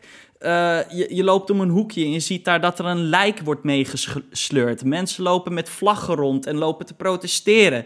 Het is zo'n living game. En ik zeg van, ja, maar dit is gewoon het, lijkt wel alsof Unity ehm, echt zoiets van: dit is next gen, dit is wat wij voor ogen hebben voor next gen. En laten we eerlijk zijn, die game draaide ook echt niet goed op de Xbox One op de, en op de PlayStation 4. Die game was denk ik ook iets te zwaar. Um, ja. Maar als je dan nu kijkt naar Watch Dogs 3 en dan zeker in, met het idee dat het een cross-platform game is, eigenlijk ook een glimpse naar next gen. Oh, ik, ik weet niet. Het is zo erg wat ik niet wil van next gen. Ik hoop dat we echt wel verandering gaan zien in gewoon een heleboel van dit soort dingen. Um, en ik weet niet, waarschijnlijk, ja, misschien willen jullie er ook wat over zeggen, maar uh, ik, ja, wat, misschien kunnen we het daar even kort over hebben. Want wat, weet je, mooie graphics, leuk allemaal, maar wat willen we nou eigenlijk van next-gen games? Hoge framerate. Uh, ja, vind ik ook. Hoge framerate. Voor, voor, console, uh, voor, voor console gamers van de afgelopen generatie is, uh, die zijn gewoon 30 fps, is daar gewoon de standaard. Ja. Dan moet een upgrade naar 60 fps al een enorm verschil zijn. Um, ik ben zelf al wat meer van de 120, 144 hertz natuurlijk. Um, uh, dat is wat mij betreft de, de volgende stap. En uh, ja, AI is leuk. Uh, alleen dat vereist ook veel meer werk aan de, aan de games. games zijn al enorm duur om te maken. Dus ik denk dat we daar deze gen nog niet echt um, verandering aan gaan zien. En dan mm. hebben we natuurlijk de, de laadtijden. De nieuwe consoles hebben allebei die, die uh, supersnelle SSD natuurlijk. Uh, dat gaat wel een enorm verschil zijn ten opzichte van de harde schijven van de, van de ja, current gen. Ja. Uh, daar ga je het verschil in zien. Ja, voor, voor, daar sluit ik me eigenlijk wel volledig bij aan. Dat voor, voor mij de belangrijkste features van, uh, van de next gen. Maar dan moet ik wel zeggen, als je gewoon kijkt naar, naar Ubisoft in zijn algemeenheid. En dat zie je ook echt gewoon de laatste tijd terug in de user score van bijna al de games die zij releasen. Dat is waar. Ja. Mensen zijn gewoon een beetje klaar met, met, met Ubisoft uh, als in. Ja, um, ja dat, dat, die werelddesign die zij hebben, daar, daar hebben ze echt een soort patent op, lijkt wel. En dat was toen het uitkwam echt heel vet en het zat heel goed in elkaar. Alleen het zit in iedere game ja. die Ubisoft uitbrengt. En ik denk dat mensen daar een beetje klaar mee zijn. En ook misschien Misschien doet Ubisoft er gewoon goed aan om eens een keer een hele andere titel uit te brengen. En niet een Assassin's Creed, een Watch Dogs, een... Ja, het is nou allemaal... Ja, en... Dat is wat ik zeg. Daarom denk ik ook dat dit de laatste Watch Dogs gaat zijn. Omdat Watch Dogs 1, 2... Nou ja, goed, 3 moet nog een beetje uh, gaan blijken. Maar 1 en 2 verkochten ook niet uh, echt goed. Waren ook geen successen. En ik denk gewoon naar, zeker naar het zien van de reviews en de eerste impressies en zo van de game, gaat het 3 ook het niet fantastisch doen. Uh, ik bedoel, Watch Dogs 1 was in principe een launch game van de Xbox One en de PlayStation 4. Haalt, heeft het ook niet over de streep getrokken, weet je wel? Um, nee. Het zijn gewoon middelmatige games. En ik denk echt gewoon, scrap nou. it. Uh, en inderdaad, maak een nieuwe game. Verzin ja, iets ik snap ook niet dat ze, dat ze, ze brengen ook bijna al hun games uh, vlak bij elkaar uit. Dat wou ik zeggen. Uh, Watch Dogs is, is net, net uit. Valhalla komt over twee weken uit. Ja. Daar, twee weken daarna komt, uh, hoe heet die game? Uh, Immortals Phoenix ja. Rising of zo komt uit. God dan heb je in het voorjaar heb je alweer, uh, ja, die game inderdaad. Uh, dan heb je in het voorjaar alweer Far Cry 6. Ja. Ze, ze pompen al die games zitten allemaal vlak achter elkaar. Dan word je toch helemaal, helemaal moe van. Dat is, dat is het probleem ook. Ik, ik snap niet dat ze dat doen. Weet je, één keer in zoveel ja. tijd zo'n titel is prima. En het, eigenlijk moet je erop hopen dat ze misschien een beetje het modelletje gaan toepassen. Wat op een gegeven moment ook binnen die Call of Duty franchise was. Je hebt gewoon uh, drie of vier studio's. En om de zoveel keer is een studio aan de beurt. En krijg je een iets andere soort game. Als ze gewoon nu een soort rotatie opzetten van Assassin's Creed, Far Cry en uh, uh, Legion. Ja, of, ja, weet je, als je dat gewoon gaat afwisselen, dan is het niet iedere keer weer die Ubisoft game. Nee, dan is het ja. Ubisoft games en één keer in zoveel tijd een Ubisoft game met dit game design. Maar niet de hele tijd. En dat zie je gewoon terug in die user votes. Dan moet ik ook wel zeggen, die user votes, dat, voor mij is dat niet representatief voor die game. Als ze daar een 4 geven, denk nee, ik, ja, het is geen 4. Maar ik vind het wel, het zit wel ergens tussen die critic score en die user score in, vind ik altijd. Het is wel echt een middelmatige 6,5 van wat ik heb van die 7 uur heb gezien. Um, ik, ik vind eigenlijk ook met het aantal bugs die die game heeft, eigenlijk niet eens serviceable. Sterker nog, er zitten game-breaking bugs in. Uh, een van de streamers die ik volgde, die, zijn save game was gewoon letterlijk corrupted na, weet ik veel, 15 uur van die game spelen. Alles weg. Um, ja, dat is gewoon echt, dat is echt kut. ja. Uh, dat nee, moet je niet hebben. Dat ja, maar die games verkopen toch wel. ik heb even snel opgezocht wat de, wat de vorige Watch Dogs heeft, heeft gedaan. Qua ja. verkoopcijfers. Jij zei net van, ja, eh, ik denk dat dit de laatste Watch Dogs is. Watch Dogs 2 heeft uiteindelijk toch meer dan 10 miljoen kopies verkocht. Ja, ja. dat is toch wel veel. Ja, zolang mensen het blijven kopen en uh, die installbase gigantisch is, uh, dan kunnen ze die shit gewoon blijven uit, uitbrengen. Hm. Dat is ook Maar ja, goed, weet je, we, we kunnen het volgens mij nog we kunnen volgens mij wel eens een dedicated episode gewoon over Ubisoft maken. Zoveel valt er over de. Ja. Um, maar er waren ook nog andere dingen gebeurd deze week. Misschien wel ja, Fabian. denk ik, ja, wat helemaal bij Fabian thuis hoort. Ja. Dat was uh, een nieuwe Nintendo Direct. Ja, we krijgen eh, de laatste paar maanden krijgen we iedere maand een, een partner showcase van Nintendo. En dat betekent eigenlijk dat uh, ja, ze laten eigenlijk bijna niks zien wat Nintendo zelf uitbrengt.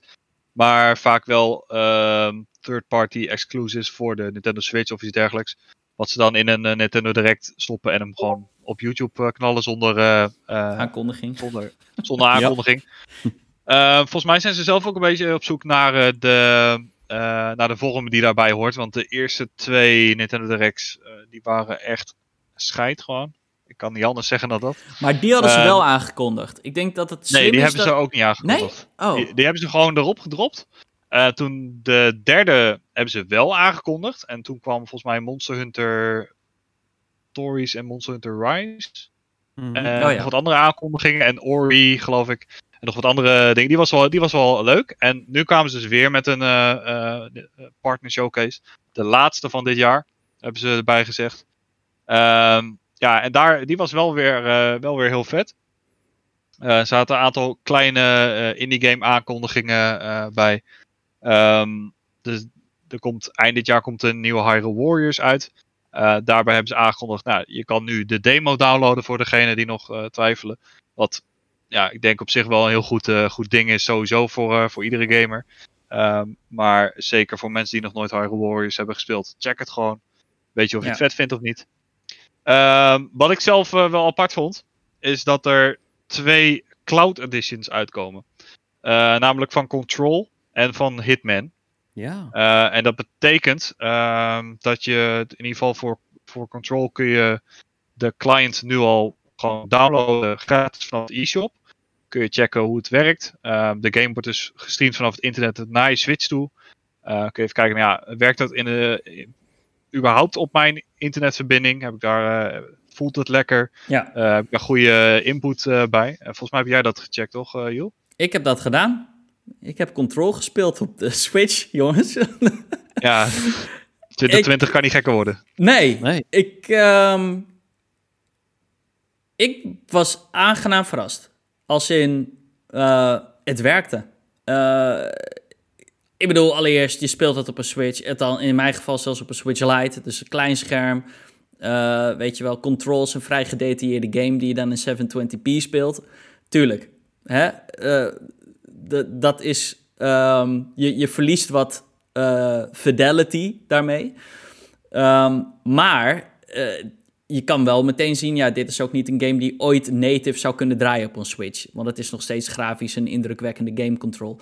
En het werkte wel um, gewoon via de stream. Nou moest ik wel zeggen, ik moest wel meteen in settings een paar dingen aanpassen. Um, je hebt namelijk uh, echt een enorme motion blur in de game. Normaal vind ik dat best wel. Normaal vind ik motion blurs best, best wel nice en laat ik wel aanstaan. Maar in dit geval, zeker met streaming, was het too much. Heb ik dat uitgezet. Maakte de gaming experience al beter. En een ander ding wat ik wel heel erg merkte, en dat is misschien gewoon ik, dat ik niet handig ben met gewoon de Switch controls in het algemeen. Maar de thumbsticks en zeker gewoon de knoppen ook op de in ieder geval de, de Switch Lite zijn gewoon echt klein. En ja, weet je, de Control is gewoon een third-person game waar je ook veel de camera moet draaien en moet richten natuurlijk. Um, het vergt er wel veel van me, laat ik zo zeggen. Dus ook daar weer in de options heb je, en dat is denk ik wel de key, zo direct voor cloud games. Uh, je ziet het ook wel trouwens uh, voor cloud games uh, op Xbox, is dat je wil eigenlijk dat dat soort games dan ook auto-aim hebben, of in ieder geval de optie voor auto-aim, of weet je, dat het eigenlijk wat makkelijker wordt en dat je die latency die je toch hebt, weet je, hoe je het ook went of keert, je, het is niet groot, maar er is een latency dat die daar eigenlijk een beetje verminderd wordt. En ik moet zeggen, met, toen ik eenmaal een beetje dus naar die settings had, uh, een beetje lopen pielen en alles goed had gezet, uh, ja, was ik control aan het spelen, jongens. Het werkte. Ja, ik, ik moet zeggen, ik was ook enorm verbaasd, want ik zag dit gewoon niet aankomen van Nintendo. Dat ik denk van, mijn grootste beef met Nintendo is uh, hun online service. Ik vind het echt fucking verschrikkelijk. Als je dan een game koopt in de e-shop, hoe fucking lang ik dan moet wachten voordat die game geïnstalleerd is. Um, maar vervolgens krijgen ze het dus ook voor elkaar om gewoon Control te streamen. En ik, ja, maar dat loopt niet via Nintendo. Nee, dat wil ik vragen. Ik ben wel benieuwd, hoe, hoe, loopt dit? Is dit ook via Azure of wie, wie doet dit? Geen idee. Ik ben het vergeten, laat ik zo zeggen. Toen ik Control opstartte, zag, kreeg ik een logo in beeld. Iets met streaming. Ik had het nog nooit eerder gezien. uh, maar het werd mij al wel duidelijk: oké, dit is het logo van de streamingdienst. Of whatever die erachter zit. Of het, het, uh, het bedrijf. Uh, en ja, uh, dat werkte. Ja, ik had ook niet. Control was ook niet mijn eerste ehm, ja, ingraven waarbij ik denk van nou, die gaat sowieso komen. Want Nintendo en uh, Microsoft zijn de laatste tijd best wel buddy-buddy natuurlijk. Ja. Um, ik zag eerder een, uh, een, een, samenwerking met, uh, met Microsoft op, op mm -hmm. een of ander vlak qua, qua xCloud of iets dergelijks aankomen. Maar dit was wel een leuke verrassing. Ja, ik sluit dat overigens niet uit hoor, dat dat misschien alsnog kan gebeuren hoor. Ja. Ze zijn inderdaad, ik, wat je zegt, behoorlijk buddy-buddy. Nou, zou ik zeggen dat ik Control nou niet per se een game... Ik, ik, zie, maar game, ik zie die game mij nooit helemaal van begin tot, het, uh, tot eind spelen op een Switch. Ik denk dat die, gewoon die game niet echt ges, gewoon geschikt is voor Switch. Maar Hitman 3, uh, dat is wel op zich wel vet. Uh, met dat nou, vooruitzicht. Dat vind ik op zich wel een game die je eventueel onderweg even zou kunnen doen. Nou, wat, ik er gewoon heel goed aan vind, is in, in beide gevallen is het een, een atypische Nintendo game. Dit zijn nou niet typische Nintendo games. En ik vind juist dat wel goed dat Nintendo dit nu als eerst doet met juist dat soort games. Om ook een beetje aan te tonen, ook richting die andere twee platformen. hey, wij zijn niet alleen maar van de Nintendo games. Ook alle volwassen games, die ga je straks bij ons ook gewoon kunnen spelen. Uh, misschien komen ze er niet op fysiek op uit, maar je kunt ze wel gaan streamen. Nou, dat vind ik wel een goed signaal wat ze daarmee afgeven. Ja, er is natuurlijk wel een groot verschil. Je koopt de game, hè? dus um, je betaalt wel oh. gewoon de oh. volle map voor de game. Het is niet een soort van een streamingdienst. oh, oh, wacht even. Da ja, dat, was, dat is voor mij nieuw. Dus het is à la Stadia. Ja. Van, je, ja, je gaat die game, game, gewoon kopen en hij is nooit van jou. Maar je gaat hem wel, gaat hem wel verkopen. Oh. Oké, dan stel ik bij deze mijn mening bij. Oké. nee, maar het is wel knap dat het werkt. Dat, dat, dat, technisch gezien vind ik dit heel cool voor, de, voor Nintendo. Ja, ik vraag me alleen een beetje af voor wie dit is. Want uh, ik denk dat heel veel gamers die, dit, uh, die deze, dit soort games willen spelen, ofwel een PlayStation of een Xbox thuis hebben staan. Of PC. Ja. Uh, waar ze het ook kunnen spelen. Ehm, ja, een Switch kun je in principe wel. de normale Switch kun je gewoon dokken natuurlijk. Uh, Dan zou je eventueel de game wel met een pro-controller of iets dergelijks kunnen spelen. Uh, waarom zou je dan op een Switch willen kopen, zodat je hem kan, uh, ja, via een stream wel kan spelen? Om hem mee te nemen. Ja, dan zit je weer met die verbinding. Ja. Ehm, je hebt niet overal natuurlijk een, een, stabiele verbinding om dat, om dat te kunnen streamen. Waarschijnlijk eh, vooral niet op de plekken waar je het juist wilt. Bijvoorbeeld in de trein of iets dergelijks. Eh, nee. Dus ik vraag me echt af uh, voor wie dit echt een use case is. Alleen voor mensen die echt alleen een Switch hebben, bijvoorbeeld, zie ik dat wel. Maar nee, ja, ik, ik denk dat het meer een manier is om uh, games naar de Switch te brengen die hardware technisch gezien eigenlijk niet op de Switch kunnen draaien. Ik denk ja, dat dat, dat meer de gedachte er is, ja. achter is. En niet zozeer wat je zegt van uh, de gamer die mobiel wil spelen. Want dat, ja, dat kun je toch al met de Switch. Dat, dat is ja, en, geen user case. Eh, daar, daar zeg je ook meteen wat, Emiel. Kijk, ik bedoel, de PlayStation 5 en die Series X, die, uh, die zijn zo uit. Wat betekent dat waarschijnlijk zodat steeds meer games te moeilijk worden uh, om terug te porten natively naar de Switch voor uh, de EA's en de Ubisofts en uh, al die andere. Dus dat denk ik ook. Ja, het is bijna zoiets van of cloud gaat de oplossing zijn voor Switch, of die Switch 2 of whatever moet echt snel gaan komen ook, ergens in 2021. Um, en moet ook nou, daadwerkelijk een performance boost hebben. Ja, eh, wat je zegt klopt. En aan de andere kant denk ik, ja, maar wie koopt er nou fucking FIFA op zijn Switch? Dat doet toch helemaal niemand? Daar, heb je, daar koop je toch geen Switch voor? Je, nee, dat, FIFA niet, maar... Sorry? Uh, zeg Fabian? Uh, ik denk dat er best wel wat ouders die dat voor een kids kopen, hoor. Het ja. ding is bijvoorbeeld Genshin Impact. Dat is nou bijvoorbeeld zo'n game die wel vet was geweest op Switch ook. Um, maar ja. De... Japanse pedo-game, toch? Dat is die, dat ja. is die toch? Of die? Ja, ja, ja. ja, ja, ik blijf het iedere week herhalen hoor. Goed. Uh, en Fabio, wat was er nog meer in de Nintendo Direct? Uh, nou, het belangrijkste wat mij betreft, uh, dat was No More Heroes 3. Ehm, ik ben vanaf het begin af aan al No More Heroes fan, dus ik was blij om die game weer te zien. Um, Travis Touchdown. Nee, ja, Travis is, is gewoon een fucking vette badass. Uh, echt een niet-Nintendo-game uh, die in eerste instantie exclusief op, op de Wii uitkwam. Ja. Nou, daar komt nu een, een, derde deel van. Die zou eigenlijk dit jaar al uitkomen. Er is nu het stempeltje 2021 opgezet. maar we kregen wel een vette trailer. Waarbij we Travis tegen een aantal aliens zagen vechten. en daarbij kwam ook de announcement dat deel 1 en 2 per direct ook op de e-shop te koop staan voor de Switch. Ja. Um, ja. Voor degenen die, dat, uh, die die game hebben gemist, gaat alsjeblieft checken. Want het is echt een underrated gem als je van een beetje van hack slash houdt met uh, dikke laag humor. 1 en 2 zijn allebei best wel goed, toch? 2 ook nog wel. Ja. Ja, het zijn allebei goede games. In mijn, uh, ja, mijn mening is 2 iets beter dan, uh, dan 1. Ja. Um, in 1 heb je nog een open wereld waar je eigenlijk niks kan doen behalve rondrijden. Oh, ja. Uh, dat hebben ze er in twee uitgehaald en daardoor voelt die game gewoon wat, ja, ja. wat uh, solide. Ja. What else? Emiel. Ja, uh, de director van Halo Infinite gaat 343 verlaten. 343? ja, 343. en daarmee lijkt het dan toch dat de problemen van Halo Infinite zich blijven opstapelen. Um, het gaat in dit geval om Chris Lee overigens ontzettend dikke naam, want eigenlijk heet hij waarschijnlijk Christopher Lee. En hoe cool is dat als je zo heet? Maar uh, ze noemen hem thuis Chris. Maar goed, Chris Lee, die heeft dus besloten om...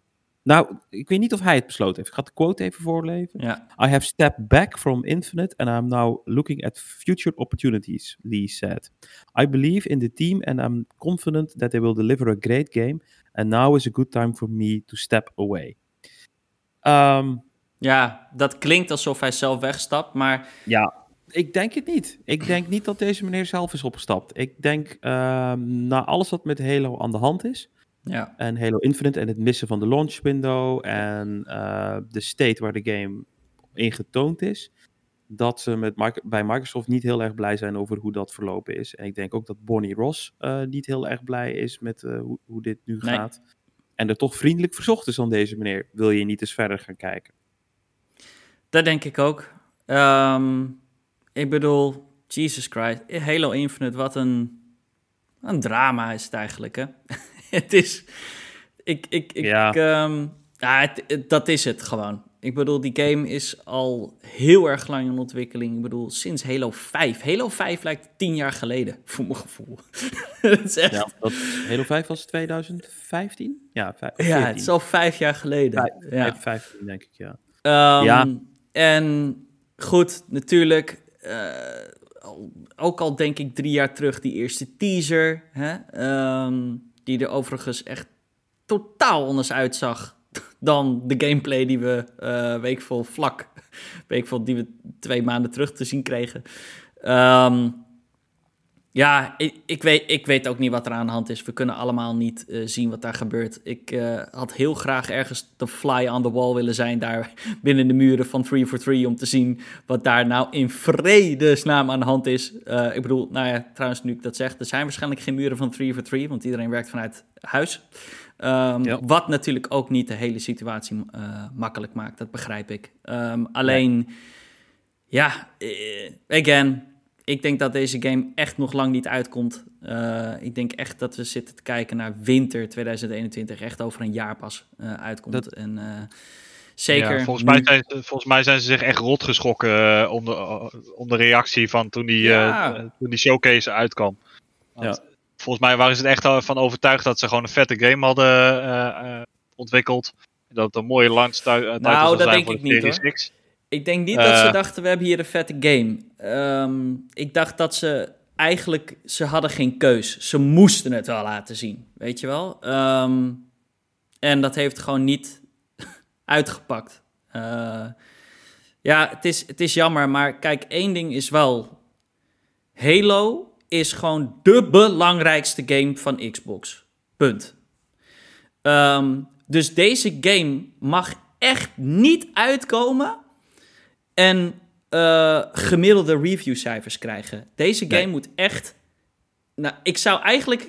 Achters vind ik eigenlijk. Mag, zou eigenlijk, eigenlijk is een 8 al niet goed genoeg. Het moet een 9 uh, eh, krijgen, gemiddeld. Ja. En... Ja, maar ik denk dat ze zich dat realiseren. Uh, en dat deze game op dit moment niet zo'n score haalt. Nee. Uh, terwijl Halo dat wel nodig heeft. Want Halo is nog steeds een grote franchise. Halo is nog steeds wel een belangrijke franchise.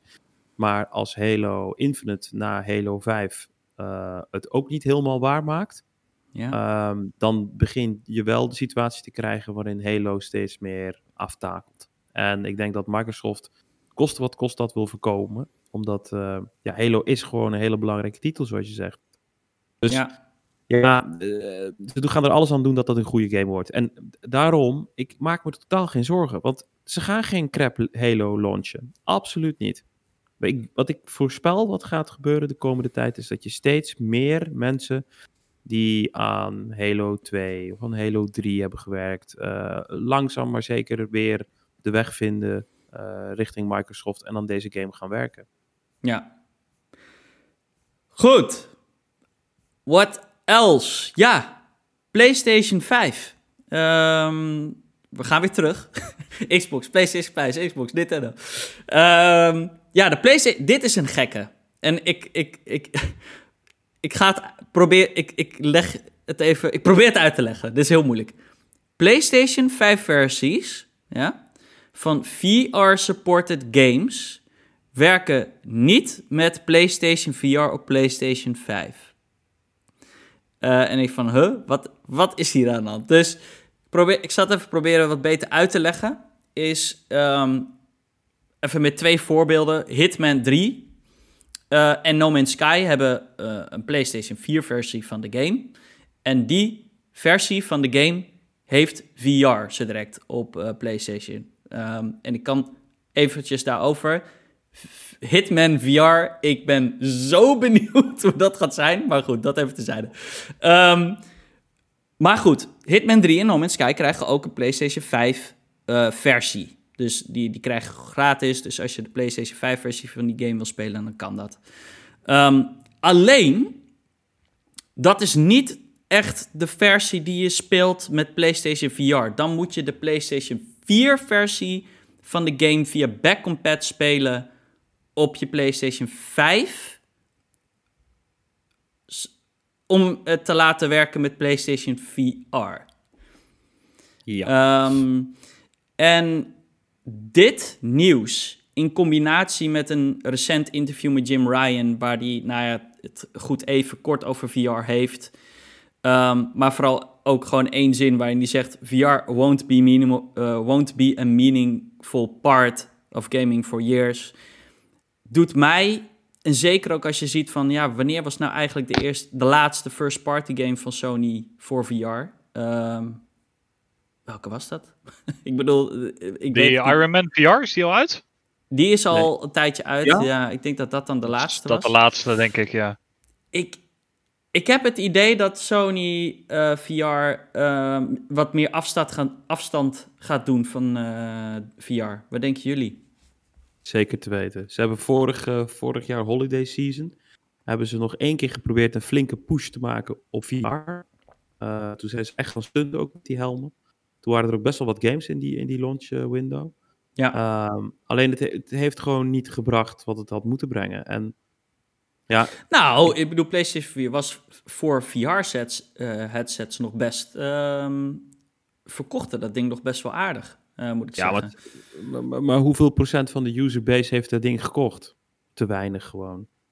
Ja, oké, van de totale userbase misschien te weinig. Ja, maar dat, ja, maar dat weet je, kijk, ze hebben daar groot op ingezet. Hè. Dit, dit, dit, ik voorspelde toen al een beetje van als ze niet gaan uitkijken, wordt dit gewoon weer hetzelfde als die, die fucking 3D-televisies. Um, het is iedere keer zeg maar.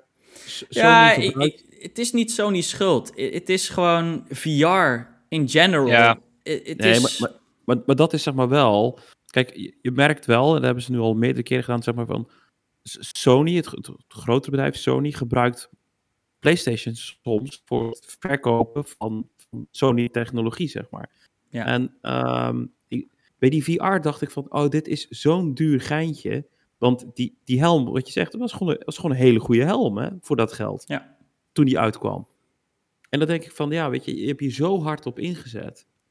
En ja, en nou blijkt het eigenlijk een beetje tegen te vallen volgens mij. Volgens mij is dat de enige conclusie. Het valt volgens mij hun tegen.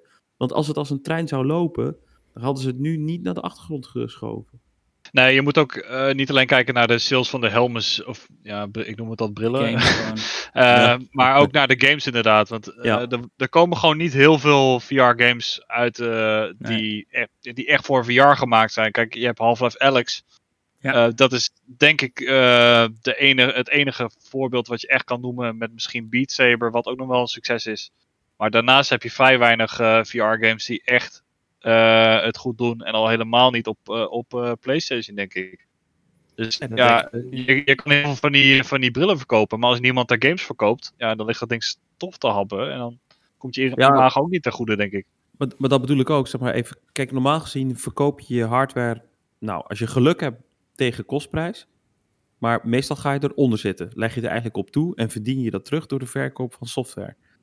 Maar het is precies wat je zegt. Welke software? En welke marge zit daar dan op? Ik, ik denk gewoon, ja. er is geen business case voor dit ding. Ik, in zijn ik huidige vorm. Maar het is niet alleen PlayStation VR eigenlijk. Het is VR. Nee, VR komt gewoon niet echt van de grond. Weet je? Het is. En ik vind het jammer. Ik bedoel. Nee, uh, dat moet jawel, je Jawel, VR is dope. Ik, ik, vind VR. Ik, ik, heb geen VR, maar het is wel vet. Um, maar, het is gewoon jammer dat. Is, VR is vet als jij naar een arcadehal gaat. En daar hebben ze zo'n kamer ingericht. Dan is VR vet. Dat is vet. VR is vet op de kermis. Dan is VR vet. Maar VR hmm. is niet vet als je thuis op de bank zit met vrienden om je heen. en jij jezelf gaat afsluiten voor alles wat om je heen gebeurt. En ik denk dat dat een beetje een misvatting is geweest. Um, gamen is een, een social interactive bezigheid, weet je wel. En op het moment dat jij je afsluit voor je omgeving, dan verlies je een stukje daarvan. En ik denk dat daarom zoiets als VR gewoon niet heel goed werkt. Voor, mij is gaming echt alles behalve social. Uh, ja, bent een hele asociale gat. Ja.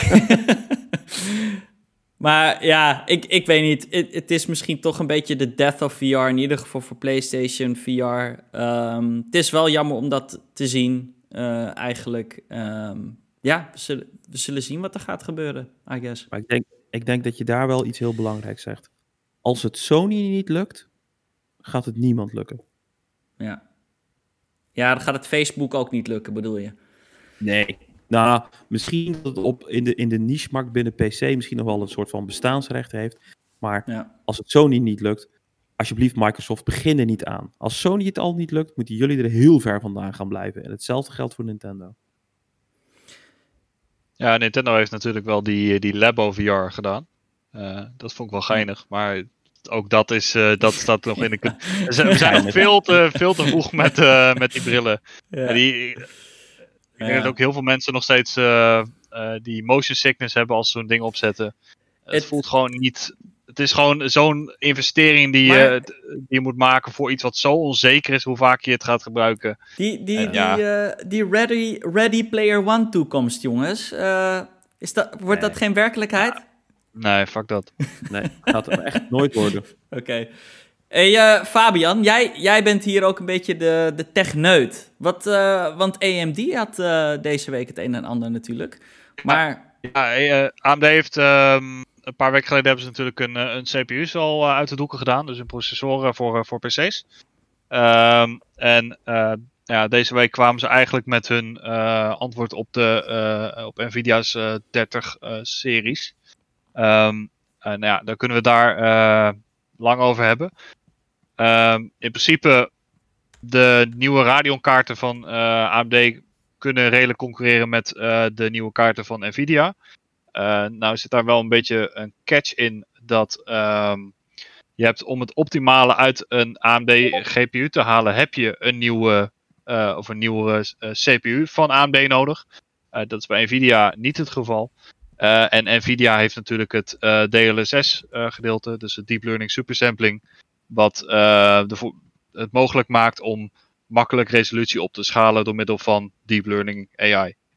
Ja. nou, dat heeft AMD aangekondigd, daar zijn ze mee bezig om hun eigen variant daar aan te ontwikkelen.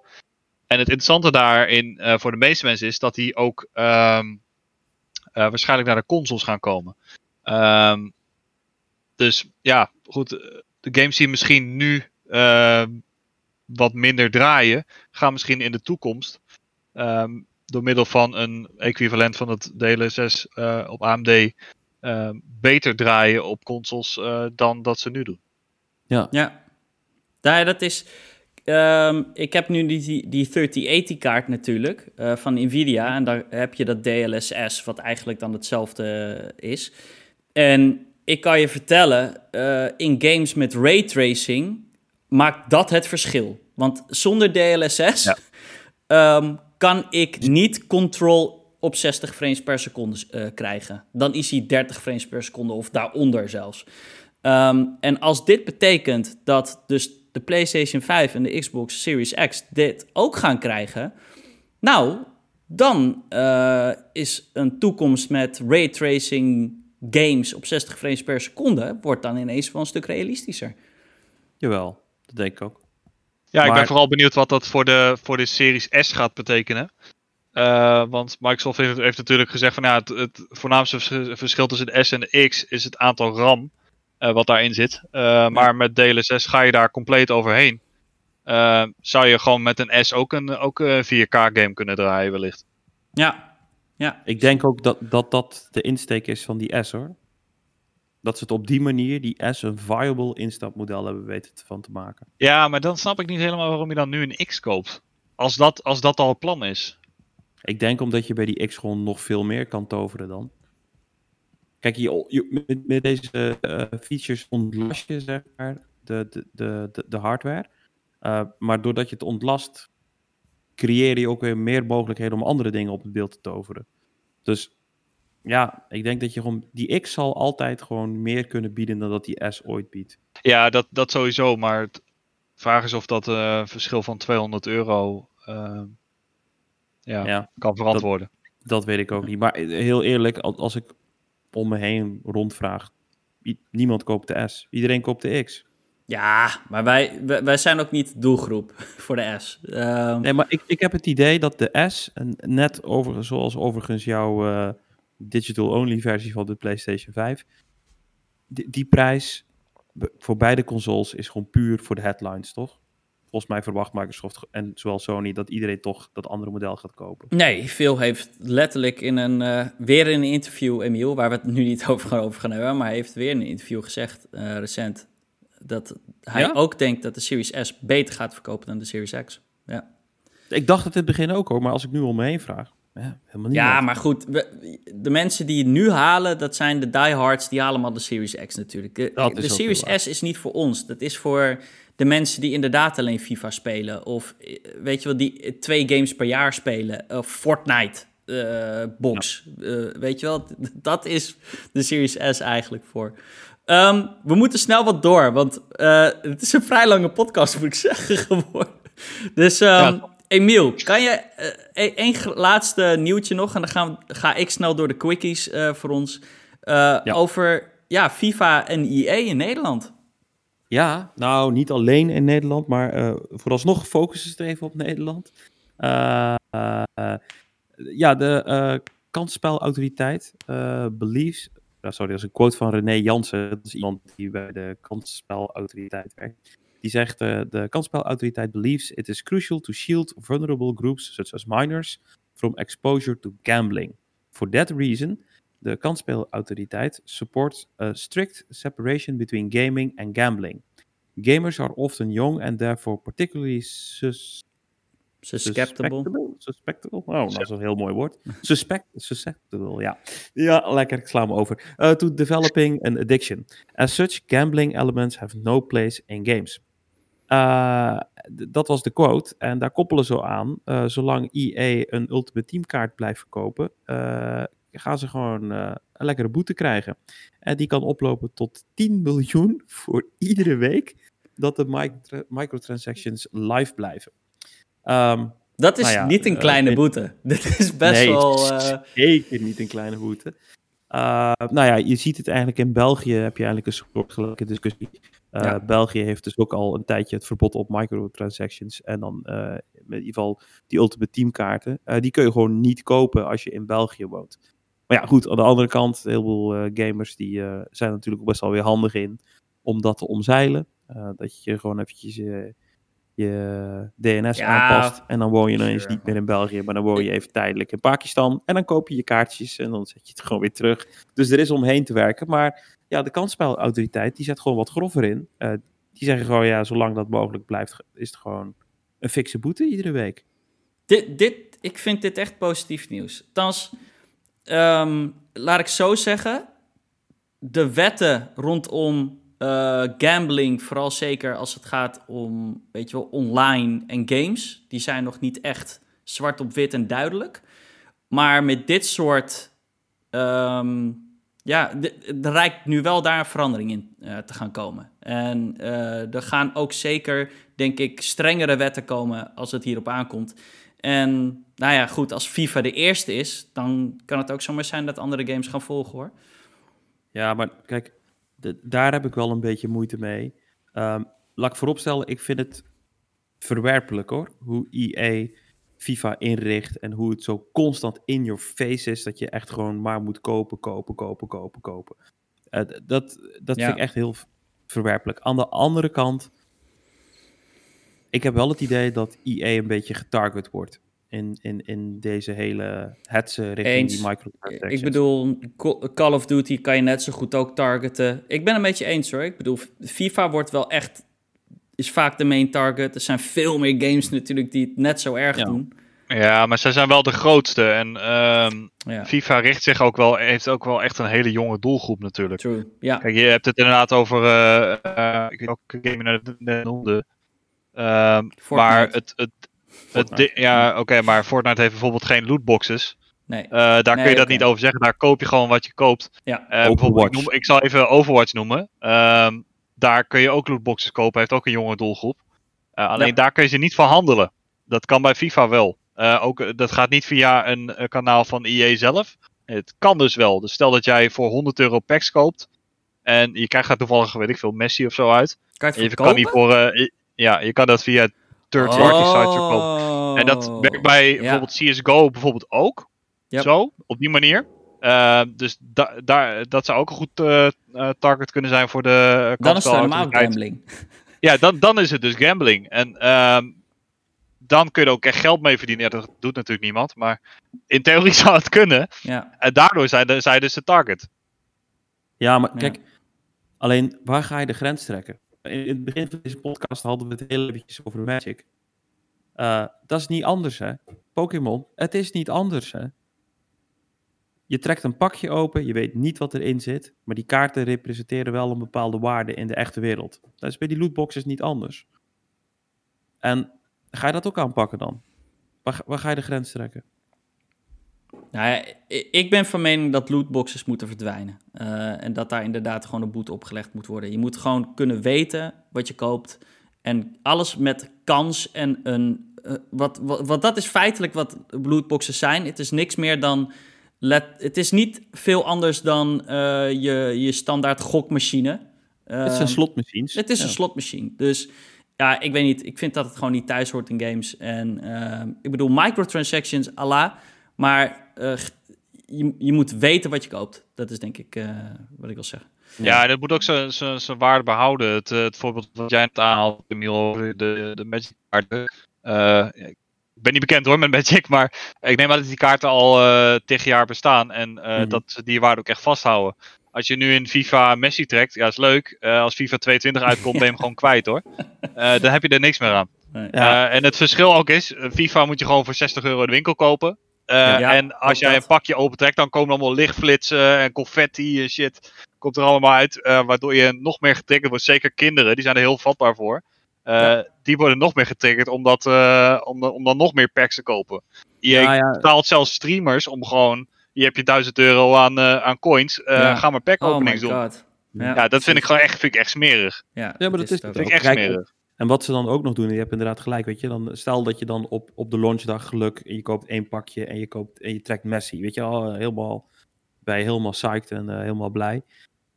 Twee weken later komt er een Team of the Week uit en in die Team of the Week zit ook Messi en die is nog beter dan de Messi die je al hebt. Dan ga je weer pakjes kopen, want die wil je ook hebben. Heb je die, ja, maand later dan heb je opeens Team of the Year, weet je wel? Dan zit je rond de feestdagen. Mm, ja, ja. zit nog een betere mesje. en zo blijven ze... Ja, het is zeker. Ja, ja, zo blijven ze maar iedere keer uh, ja, je het is, gewoon, het, is, het is smerig. I, I, don't like it. Goed, dat is zo. Um, ik ga even snel door de snelle nieuwtjes, snel door de snelle nieuwtjes heen uh, met jullie. Uh, Demon's Souls heeft 180 van die PlayStation Help video's, Emiel. Weet je nog wat, dat we het erover hadden? Ja. Dat, is die, uh, dat, is, dat zijn dus die helpvideo's die in PlayStation 5 zitten, gewoon letterlijk. um, ja, 180 video's. Dus gewoon letterlijk tutorials. Ik, ik zie Emiel, jij kijkt heel vaag. Weet ja. je wat dit is, of niet? Ja, ik weet wat dit is. Maar of ik nee, sorry, ik bedoel Fabian. Jij kijkt oh. vaag. Nee, ik heb geen idee wat het is. Nee, goed, je, je hebt toch die UI-review gezien van de PlayStation 5? Ja. Ja, dus Oh, dit zijn van die video's die als je er niet uitkomt, dan kan je op drukken en dan komt er iemand even... Uh, ja, precies. Ja. Um, Xbox Back Compat. Um, final statement eigenlijk erover. We weten het nu. En nou, dit is toch wel echt awesome. Uh, hier een quote van een van de gasten, uh, iemand van het Back Combat, Back Combat team. After 500k plus hours. Dat is veel. Dat is dan 500.000 uur? 500.000 uur, ja. Wow. 500.000 hours of testing. We are excited to share that all Xbox, Xbox, Xbox 360 and Xbox One games will be playable um, uh, day one, except for the handful that are required with Connect. Um, dus alle games op Connect Games na gaan werken. Uh, dus ja, dat is wel echt geweldig nieuws. Even om te illustreren, zeg maar, hoe serieus hij het support van backwards compatibility ja. nemen. 500.000 uur, dat is 57 jaar. Er is 57 jaar aan manuren ingestopt om dit gewoon werkelijk te krijgen. Ja, ja dat is wel lijp. Uh, ja, dat is wel dat lijp. Is wel lijp ja. Goed. Um, dit, is, dit is wel vet. Uh, natuurlijk, mensen hebben hands-on, filmpjes leaken. Sommige buiten NDA om, want volgens mij mag dit nog helemaal niet uh, zichtbaar zijn. Maar goed, Witcher 3 is. Uh, iemand heeft Witcher 3 lopen spelen op de Series X en heeft die beelden het internet ingegooid. En fast travel, ja, het is echt vet. je moet het checken. Het is één seconde duurt het maar om te laden. Het is letterlijk, de laadtijden zijn verdwenen in The Witcher 3. Maar, uh, hij fast travelt van waar naar waar? Heb je enig idee? Ja, hij, hij, fast, hij, hij, hij, klikt gewoon een andere plek aan, random op de map. En hij fast travelt daarheen. En letterlijk, het is gewoon uh, één seconde. Ja, en hij is daar. Uh, wel echt super lijp. daarnaast zijn er ook, weet je wel, Devil May Cry 5. zijn mensen ook aan het booten. En dan zie je ineens dat die game 51 seconden laat op de PlayStation 5. Maar dit is wel gek, 40 seconden op de Series X.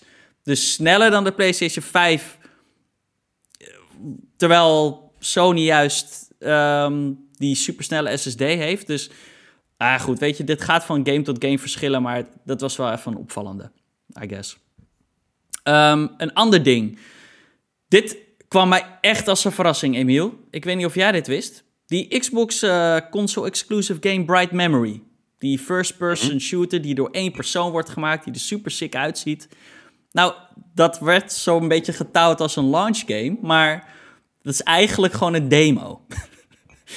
dus uh, ja, ik wist het niet, maar aan de andere kant, het verbaast me ook niet zo, want ik kan me wel herinneren dat wij op een gegeven moment zeiden van... Ja, maar dit is één dude. Eén dude heeft alles gemaakt. De muziek, de graphics, echt... De, de, ja, uh, dat, wa- dat is wel zo. Maar hij is... echt, ja. Die game is echt niet zo gemarket, laat ik zo zeggen. Ik dacht dat dit een game release was en dat is het dus niet. Dus ja, ja hou daar rekening mee. Is die ehm, echt gemarket? We hebben nou, hem alleen gezien jawel. twee keer in een Xbox event, heeft hem wel een beetje lopen pushen, vind ik. Ja? Uh, oh, ja. gewoon mee. Um, Anyway, de volledige game komt in 2021 uh, pas uit. Dit Krijg ik dan nog 8 euro terug, of niet? Geen idee, ik denk het niet. Het is, het is een ehm, leuke benchmarking tool voor je Series X, dat wel. Ja, dat wel. Hij ziet er wel echt sick uit, zeker. Um, dit moest ik ook echt even uh, kwijt hier in uh, onze korte nieuwsberichtjes.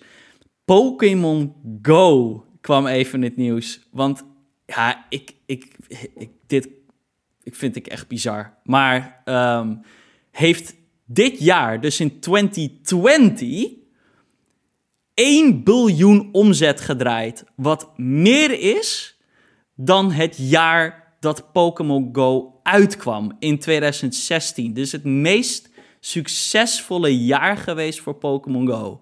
What the fuck? Ja, oké. Okay, zal, zal, ik je uitleggen waar het, uh, waar het um, in zit? Ja, leg het eens uit, Fabian. Speel jij nog? Ja. ja. ik speel nog. Ik speel nog. Ik weet waar ik het over heb. Oké.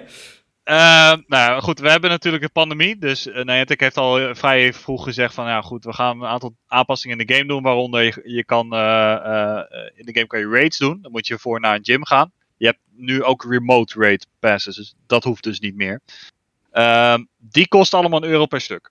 Okay. Um, afgelopen jaren hielden zij iedere, ieder jaar in de zomer hielden ze drie soort van festivals op echte locaties. Ja. Uh, in uh, Amerika 1 en Japan 1 en uh, Duitsland 1. Ehm, daar kwamen ongeveer 30.000 man per dag naartoe. dat was zeg maar vier dagen. Zo'n kaartje kost dan zeg maar 30, 30 euro ja. per persoon. maar omdat er nu dus een pandemie was, hebben ze gezegd: Oké, dit jaar doen we het gewoon voor iedereen. Dus iedereen kan een kaartje ah. kopen voor 15 euro en dan kan je twee dagen spelen. Nou, als je hele, hmm. iedereen die dat spel fanatiek speelt, legt gegarandeerd 15 euro neer daarvoor. Plus al die microtransactions. Ja, dat, uh, dat, dat tikt wel aan hoor. maar ik weet zeker dat het echt aan, die, aan, die, uh, aan, de, aan dat festival ligt. Ja. Oh, wow. Eh, mag ik ook... De, ja, jij zei dat je het nog speelt. Is er veel veranderd? Ik ben, ik, ik ben nu eigenlijk wel weer benieuwd. Misschien moet ik even Pokémon ja, Go weer installeren ik, of zo. Ik, ik, zou het wel checken, ja. Maar er zit, uh, ze, ze, ja, dat ligt een beetje aan wanneer je voor het laatst gespeeld hebt. 2016, uh, maar, toen het uitkwam. je, je, kan, je kan battelen, je kan traden, je kan uh, raids doen. Okay. Je hebt dus remote raids, je hebt Team Rocket zit in de, in de game, dus die nemen bepaalde stops over.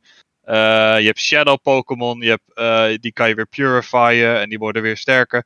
Je hebt hele Battle Leagues, dus ook met een ranking system en uh, dat soort. Ja, je hebt, okay, het, het is echt wel gedaan. flink uitgebreid. Ja. ja, het mag ook wel na, na vier jaar natuurlijk, maar het is echt ja. enorm uitgebreid.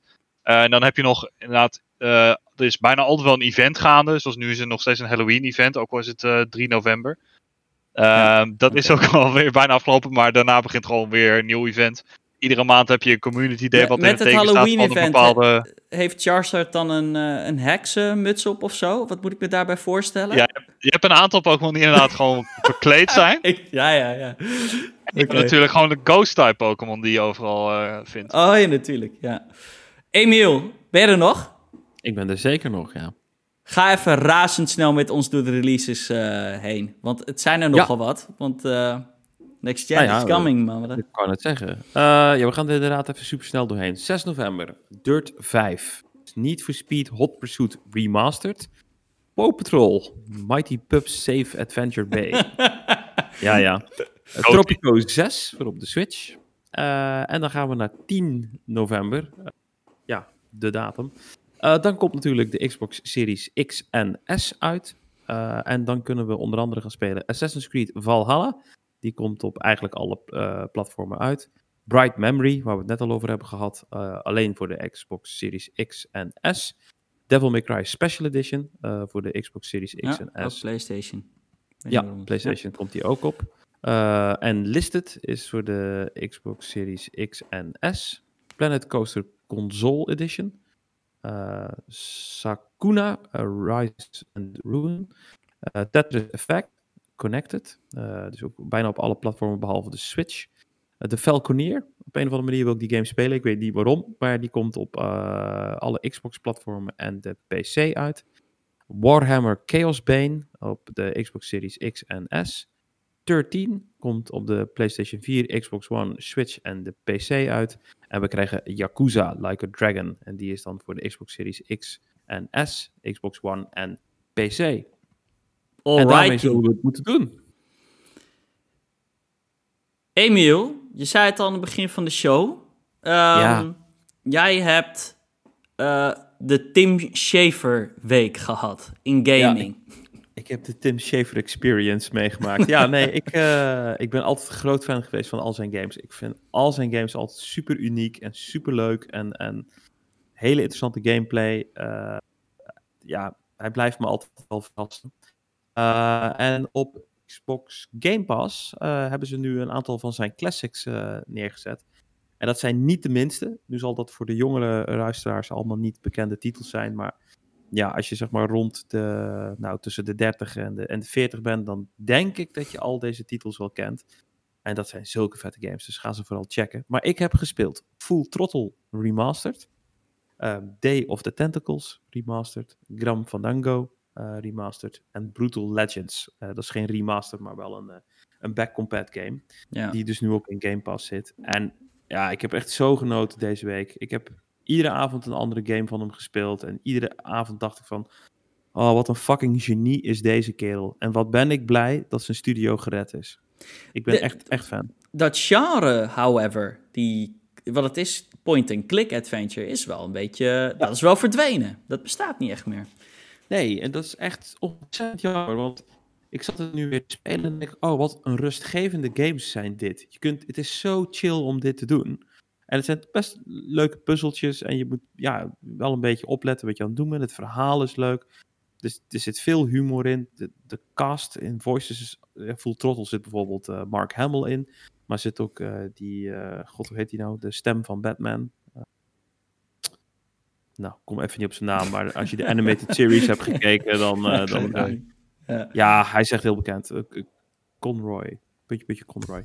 Uh, maar die zit er dus ook in. En ja, die hele game is zo vet.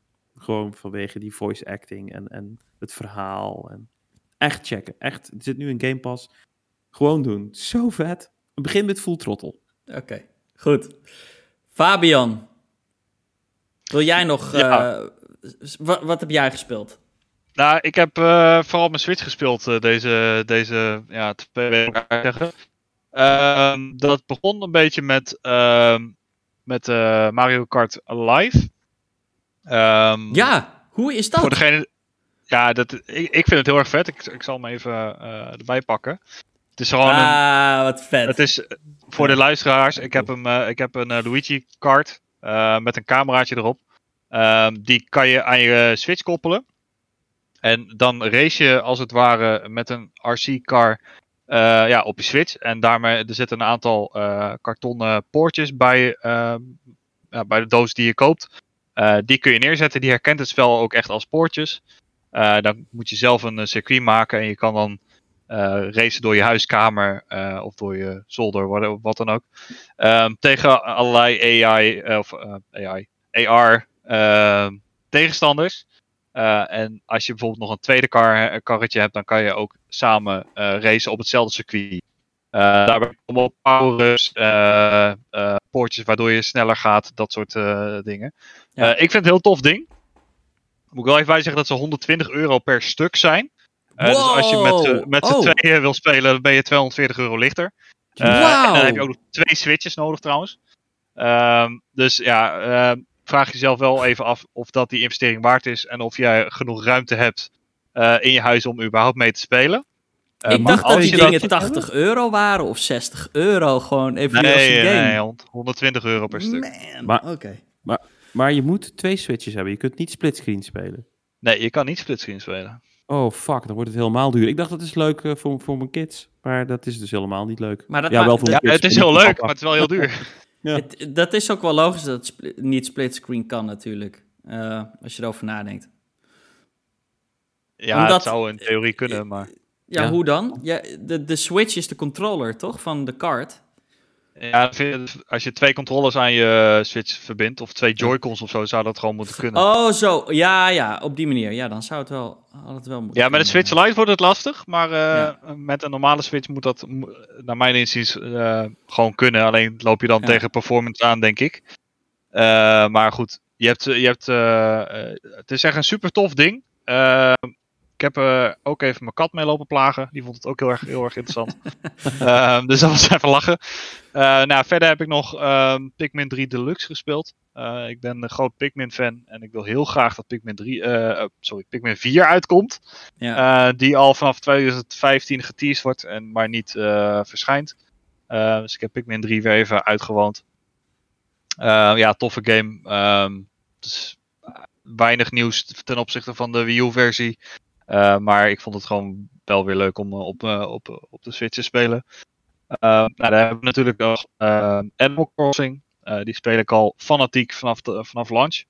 bijna geen dag. Moet je eigenlijk, ik, ik ga je eiland eens weer eens even bezoeken. Ik heb de game helemaal niet meer gespeeld. Sinds, ik denk, na de tweede week van die game. Ja. sowieso, waarschijnlijk als ik nu die game aanzet, gaan al die uh, Animal Crossing buren gaan allemaal klagen van... hey, uh, waar ben je geweest? Uh, wat is al die onkruid hier?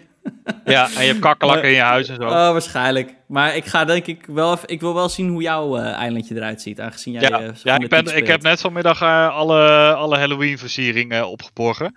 Nou, maar... Daar ja, wil ik het even over hebben. Mijn dochter speelt dat dus ook. En ze zat al de hele week zat ze te zeuren. Papa, volgende week zaterdag is het om vijf uur een Halloween-event. Ik wil heel graag dan op mijn Switch spelen. Mag ik op mijn Switch spelen? Ja hoor meisje, mag jij op je Switch spelen? Vervolgens uh, besluit mevrouw om uh, op zaterdag uh, te gaan logeren met een vriendinnetje. dus wij halen haar zondag op en ze denkt, oh, oh, maar nou heb ik het Halloween-event gemist. Dus ik, heel naïef, van nee, weet je, game events die starten dan op een bepaalde tijd, maar je hebt minimaal altijd wel één of twee dagen de tijd. Nou, wat blijkt dus? Absoluut niet. Hè? Dat event is van vijf uur s middags tot twaalf uur. Nee, wat? Ja.